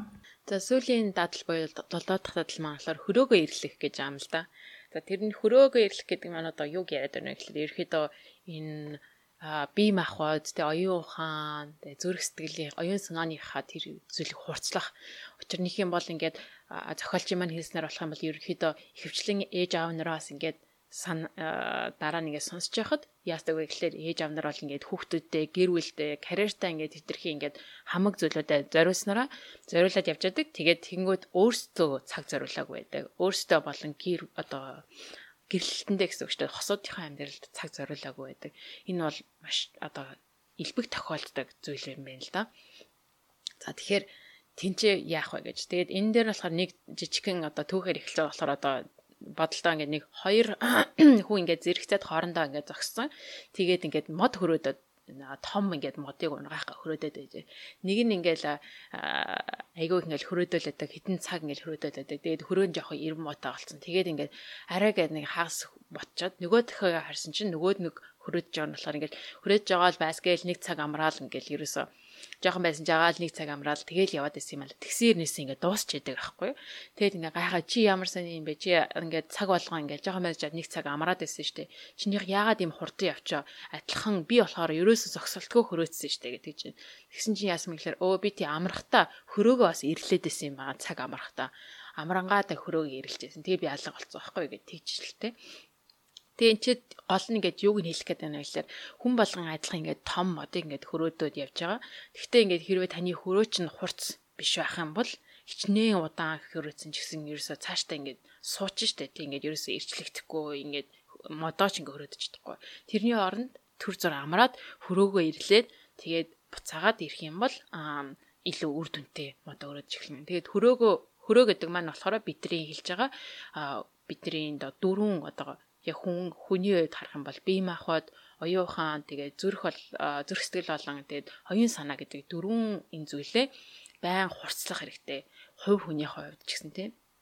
За тэгээд энэ дээр болохоор хувь хүний болохоор өдөр тутмын чиний хувийн өөрийн ялалт гэж зүйлийг хийгээд үнийгаа бол ингээд байнга хэрэгжүүлж байгаа хэрэгтэй. Тэр нь одоо тухайлах юм бол одоо бие махбод үед гэх юм бол дасгал хийх гэдэг чинь мөө эрүүл хооллох байж болох юм байна. Одоо сэтгэл санааны хувьд гэх юм бол одоо найзуудтай байх аа тэгээ бусдыг ойлгох ч үү стрессээ багасгах илүү ингээд enjoy хийх амьдралыг за оюун санааны хувьд гэх юм бол одоо ямар зүйлийг шинээр уншиж мэдэх шинэ хобби эхлүүлэх шинэ зүйлийг сурч мэдэх карьерийн хувьд одоо шинэ зүйлийг ойлгох те сурах А за тэгээ оюун санааны spiritual гэж оюун санааны бясалгах ч гэдэг юм уу? Босцоо туслах одоо community-тай хөрөнгө оруулалт хийх одоо туслах гэх хэмжээний зүйлүүдийг хөв хүнийхээ хувьд өдөр болгон хийгээд тэгээд эдгээр одоо жишээлбэл төрний дурдсан зүйлүүдээс бодож байгаад хэрэг өдөр болгон би энэ зүйлийг хийх юм бол миний хувьд болон одоо миний гэр бүлийн хувьд миний үр үр одоо үр одоо үр дүнг сайжруулах зүйл юу вэ гэд бодоод үз нэг зүйлийг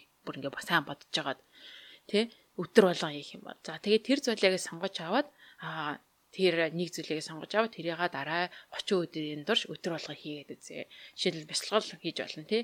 Чи өдөр болгон 5 минут өглөө болгоо бясалгал хийх юм бол чи өөрөө тайван болоод өөрөө чи хувьд сэтгэл санаа тайвшраад аа тэгээ гэр бүлийн чинь ч гэсэн чи өөрөө тайван байх юм бол гэр бүл чинь ч гэсэн сайнаар нөлөөлнө тий. Гих мэтчлэн аа өөрийнхөө тэр нэг зүйлийг сонгоод хийгээд үзье гэж байгаа.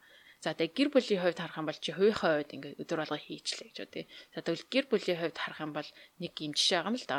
Нэг аав болохоор ингээд испани хэлээр ярьдаг. Тэгээд англиэр сайн ярьж чаддгүй нэг аав одоо Нью-Йоркт нүүж ирсэн байна. Тэгээд нөгөө нэг уг нь өөр инженер мэрэгчлээ. Тэгээд нөгөө англиэр сайн ярьж чаддгүй болохоор инженерээр өндөр цалинд ажиллаж чадахгүй харин эсэгээр нөгөө нэг тийм барилгын ажлуудыг хийж шалгалт хяналт хийдэг. Тэгээд барилга дуусны дараа оройн цагаар очиж хяналт авширын шалгадаг тийм ажилд ирсэн байна л да. Тэгэнгүүт нөгөө нэг хүүхдүүд нь өдөр сургуультай явцдаг. Тэгээд орой хүрээд ирэхээр аав нь гацаад ажилдаа явцдаг. Тэгээд хүүхдүүдтэйгээ цаг зарцуулж чадахгүй их нэртэйгээ ч гэсэн цаг зарцуулж чадахгүй. Тэгээ байжсэн нэг орой ингээд хүүхдэд хоёроос ойр дуулцаа гэж дахиад оройн цагаар гарах болсон. Тэгээд яснэ хүүхдүүдээ хоёр хүүхдээ харж ирсэн а өрөвдөд та хоёр машинтаа надтай хамт явах? Ийм хахад нь орж нэг байшин шалгах чаа ингээд. Тгийгээд хоёр хүүхд нь ингээд машинд суугаа явсан чинь тэр нэг замдаа 30 40 минут ингээд машинд явж байхдаа айгүй их гоё ингээд яриа өрнүүлээл ингээд аавыгаа ойлгоод хоёр хүүхдийн яриа ч гэсэн ойлгоод тэгээд тэндээс ингээд тэрнийгаа ингээд сүлэргөө бараг ингээд орой болгон хийдэг болоод тэгээд юу ойлгосон бэ гэсэн чинь сүлэргээ тэнцээ ингээд гэр бүлийн цаг гарцсан байгаа байхгүй. Тэр нь болохоор emotional team нөгөө нэг хөрөө ирлэх боломжтой болж байгаа. Би энийгээ цаг өнгөрөөлөх болчихж байгаа. Тэгээс хүүхдүүд нь нэг жоохон болохоор англи хэлтэй сургуульд явж байсан учраас англи нь хамаагүй сайн ингээд нийтэв болцсон. За тэгээд гэсэн чинь хүүхдүүд нь аваа та хэрэг бид нэр танд англи хэл заагдах юм бол та инженерийнхаа ажлыг хийгээд илүү салентай сайн ажиллах юм байна. Манай гэр бүлд хэрэгтэй байна гэд хүүхдүүд нь аавда тэр нь машинд явж явах замдаа хэл зааж өгсөн. Англи хэлний сайжруулах, англи хэлний зааж өгсөн. Тэгээд хамтдаа нөгөө нэг тэр барилгын юун дээр ингээд яваал те шалгаал юмнуудын зөв байна уугүй гэдэл хоорондоо ингээд явж байгаа учраас бас ингээд тасгал болцсон байгаа байхгүй өдөр болго орой ингээд автагаа орой ингээд хэдэн минут 30 30 минут юм нэг цаг ингээд алхаж тасгал хийдэг болсон хийх мэтлээ одоо жишээл энэ жишээгээр харах юм бол нөгөө хийх гээд дөрвөн зүйл бие махбод сэтгэл санаа оюун ухааны зүйлүүдийг ингээд бүгдийг ингээд энэ жижигхэн үйлдэлээр ингээд хийх боломжтой байгаа тэгэхээр ингээд хамтдаа зүйлүүдийг хийх гэдэг бол юм амар том нүсрэ албагүй. Жишээлбэл би махад явах юм бол гэр бүлээрээ бүгдээрээ одоо яа гэм паркт алхах ч гэдэг юм уу эсвэл жимд явах ч гэдэг юм уу эсвэл э, одоо орой унтахаас өмнө нэг 20 минут бүгдээрээ хамтдаа алхах ч тийм тийм жижигхэн зүйлүүд хийж болно. За тэгвэл сэтгэл зүйн хувьд гэх юм бол сэтгэл санааны хувьд гэх юм бол бид нар нэгнийхэн төрсөн өдрийг хамтдаа тэмдэглэх гэдэг юм уу тий. Энэ юуны одоо баяр ёслолыг хамтдаа гэр бүлээрээ тэмдэглэх гэдэг юм уу. Тий нэм аймаар дүнтэй эднэр ерөөсөө тийм байхгүй. Тэгээ гол нь юм хамтдаа хийх тийм зүйлүүдийг хийж байгаа. За тэгээд а оюун санааны хувьд mental соо гэж яг оюун санааны хөрөөг яаж ирлэх вэ гэхээр хүүхдүүдтэй а ямар нэгэн зүйлийг заагаас гадна хүүхдүүдэд юу сурах хэрэгтэй гэхээр сурах гэдэг чинь ийм гой зүйл байд юм аа. Сурах гэдэг зүйлд дурлалт сурах гэж байгаа байхгүй юу? Энэ л хамгийн чухал. Яа гэвэл ирээдүйд хэрэг хүүхдүүд чинь ямар нэгэн зүйлийг сурахад дурлчих юм бол өөрөө өөрсдөө шинжилүүлүүдийг сураад байна гэсэн үг. Тэгэхээр ээж аавуудын хамгийн сайн хийж чадах зүйл хам бол хүүхдүүдэд сурах гэдэг зүйлд дурлалт сургах тэрнээс юм заагаад байна гэсэн үг биш тий. Ба тэгээд өөрөөсөө бас үлгэр дуурайл болгох. Жишээлбэл түрүүнд ярьж байсан тий. Хүүхдүүдэд та ном уншдаг хүн болоосэй гэж хүсэх юм бол та өөрөө ном уншдаг байх хэрэгтэй. Өөрөө ингээд байн орой олгон ном уншдаг юм хүүхд чинь мэдээж орой эхлээд хамтаа өө аавтайгаа хамт ном уншиж гэдэг юм уу тий. Тийм их байдалтай. За тэгээд хамгийн сүүлд нь болохоор нөгөө нэг spiritual буюу одоо оюун санааны хувьд одоо сайжрахад юу хэрэгтэй гэхээр гэр бүлэрээ нийгэмдээ сайн зүйлийг хөрөнгө оруулах нийгэмдээ сайн зүйл хийх жишээлбэл а одоо энэ дээр хэлж байгаа нь болохоор нөгөө нэг бага орлоготой хүмүүс зориулаад бүгдээрээ нэг хүнжил одоо аясан гэж байгаа байхгүй. Тэгээд материалын аваад гэр бүлээрээ хамтдаа орой болгоно хүнжлөө оёод сар болгоно нэг хүнжлийг одоо ингэж хүмүүс бэлэг болгож өгдөг. Тэгэхээр ингээ гэр бүлээр хамтдаа юм а хийчин те ягаа тэгэнгүүт нөгөө нэг гэр бүлийн харилцаач бас сайжирна. Тэгэхээр Монголд юм бол та нар болго одоо гудамжинд байгаа амтнд хоол өгчдөг юм уу те? Тэдрийг ингээд асарч хандаачихдаг ч юм уу те? Эсвэл бүгдээрээ тэр асамжийн газар чи юм хийчихдэг юм уу? Ямар нэгэн байдлаар нийгэмдээ сайн үр дүн Тэгээд эсвэл нөгөө нэг хүчтөө туслах ч гэдэм үү те. Жохон л зүйл байгаа байхгүй. Тийм тийм том үнэтэй тийм их цаг гарсан зүйл. Ерөөсөө хэрэггүй. Тийм нийгэмдээ тусалсан тийдгэр зүйлүүдийг бол гэр бүлээрээ хамтдаа хийх боломжтой. Тэгснээр илүү гэр бүлийн харилцаач сайжрна та өөртөө нийгэмдээ хөрөнгө одоо нийгэмдээ тусалж байгаа гэдэг мэдрэмж төрөөд улан та өөрөө өөрийгөө болон гэр бүлийн гишүүд ч гэсэн өөрийгөө үнэлэх тийм мэдрэмж нь өснө гэсэн үг байхгүй юу. За тийм хэцүүлүүдийг боломжтой байх нэ. За тэгээд энэ ч нэг чухалж авч бас энэ дадал дээр хэлж байгаа зохиолч нь зүйл бол гэр бүлийн одоо амралт family vacation vacation авдаг тийм амралтаараа бөөндөө гэр бүлийн амралтыг одоо зохицуулаад за монголчууд бол наадмаар айгүй их амардаг штэ тэг гэр бүлээрээ амардаг а за түүнээс гадна бас хамаатнуудтайгаа extended family буюу хамаатнуудтай харилцаагаа сайжруулсан байх хэрэгтэй.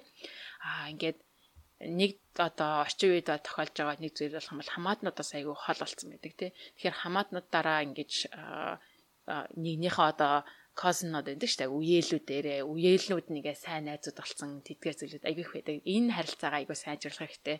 Цаашлаад эн чинь бол зөвхөн танайг бүр биш энэ бүх тэр одоо нийгмийн харилцаа гэдэг зүйлээр маш сайнаар нөлөөлөх учраас эдгээрийг хийх хэрэгтэй маа гэж хэлсэн байгаамаа. За тэгээд ингээд хамгийн сүүлийн одоо бүлэг манд тусаад ном маань дуусж байна. За ерөнхийдөө жоохон цагаасаа итрээд битээр нурсан болоочлаарай. Гэтэ нэг иймэрхүү номнууд ялтчгүй жишээ баримттай ярихгүй бол онолдоод байхад хэцүү байдаг. Ном дээр яриагүй бидний жишээнүүд маш зөндөө олон байгаа. За тэгээд өөрөөсөө номоо аваад уншина гэж найдаж байна. За тэгээд энэ хүрээд хоёлаа дугаараа өндөрлөх үү? За тий. За тэгээд дугаараа өндөрлөхөөс өмнө спонсор дордын Think Pharma эрүүл амьдрал хэм түгээцгээ эрүүл мэндийн чанарын хэмлэгч подкастын тэтгэгч Think Pharma. За за тэгээд дараагийнхаа дугаараар уулзлаа. Түр баяртай. За түр баяртай.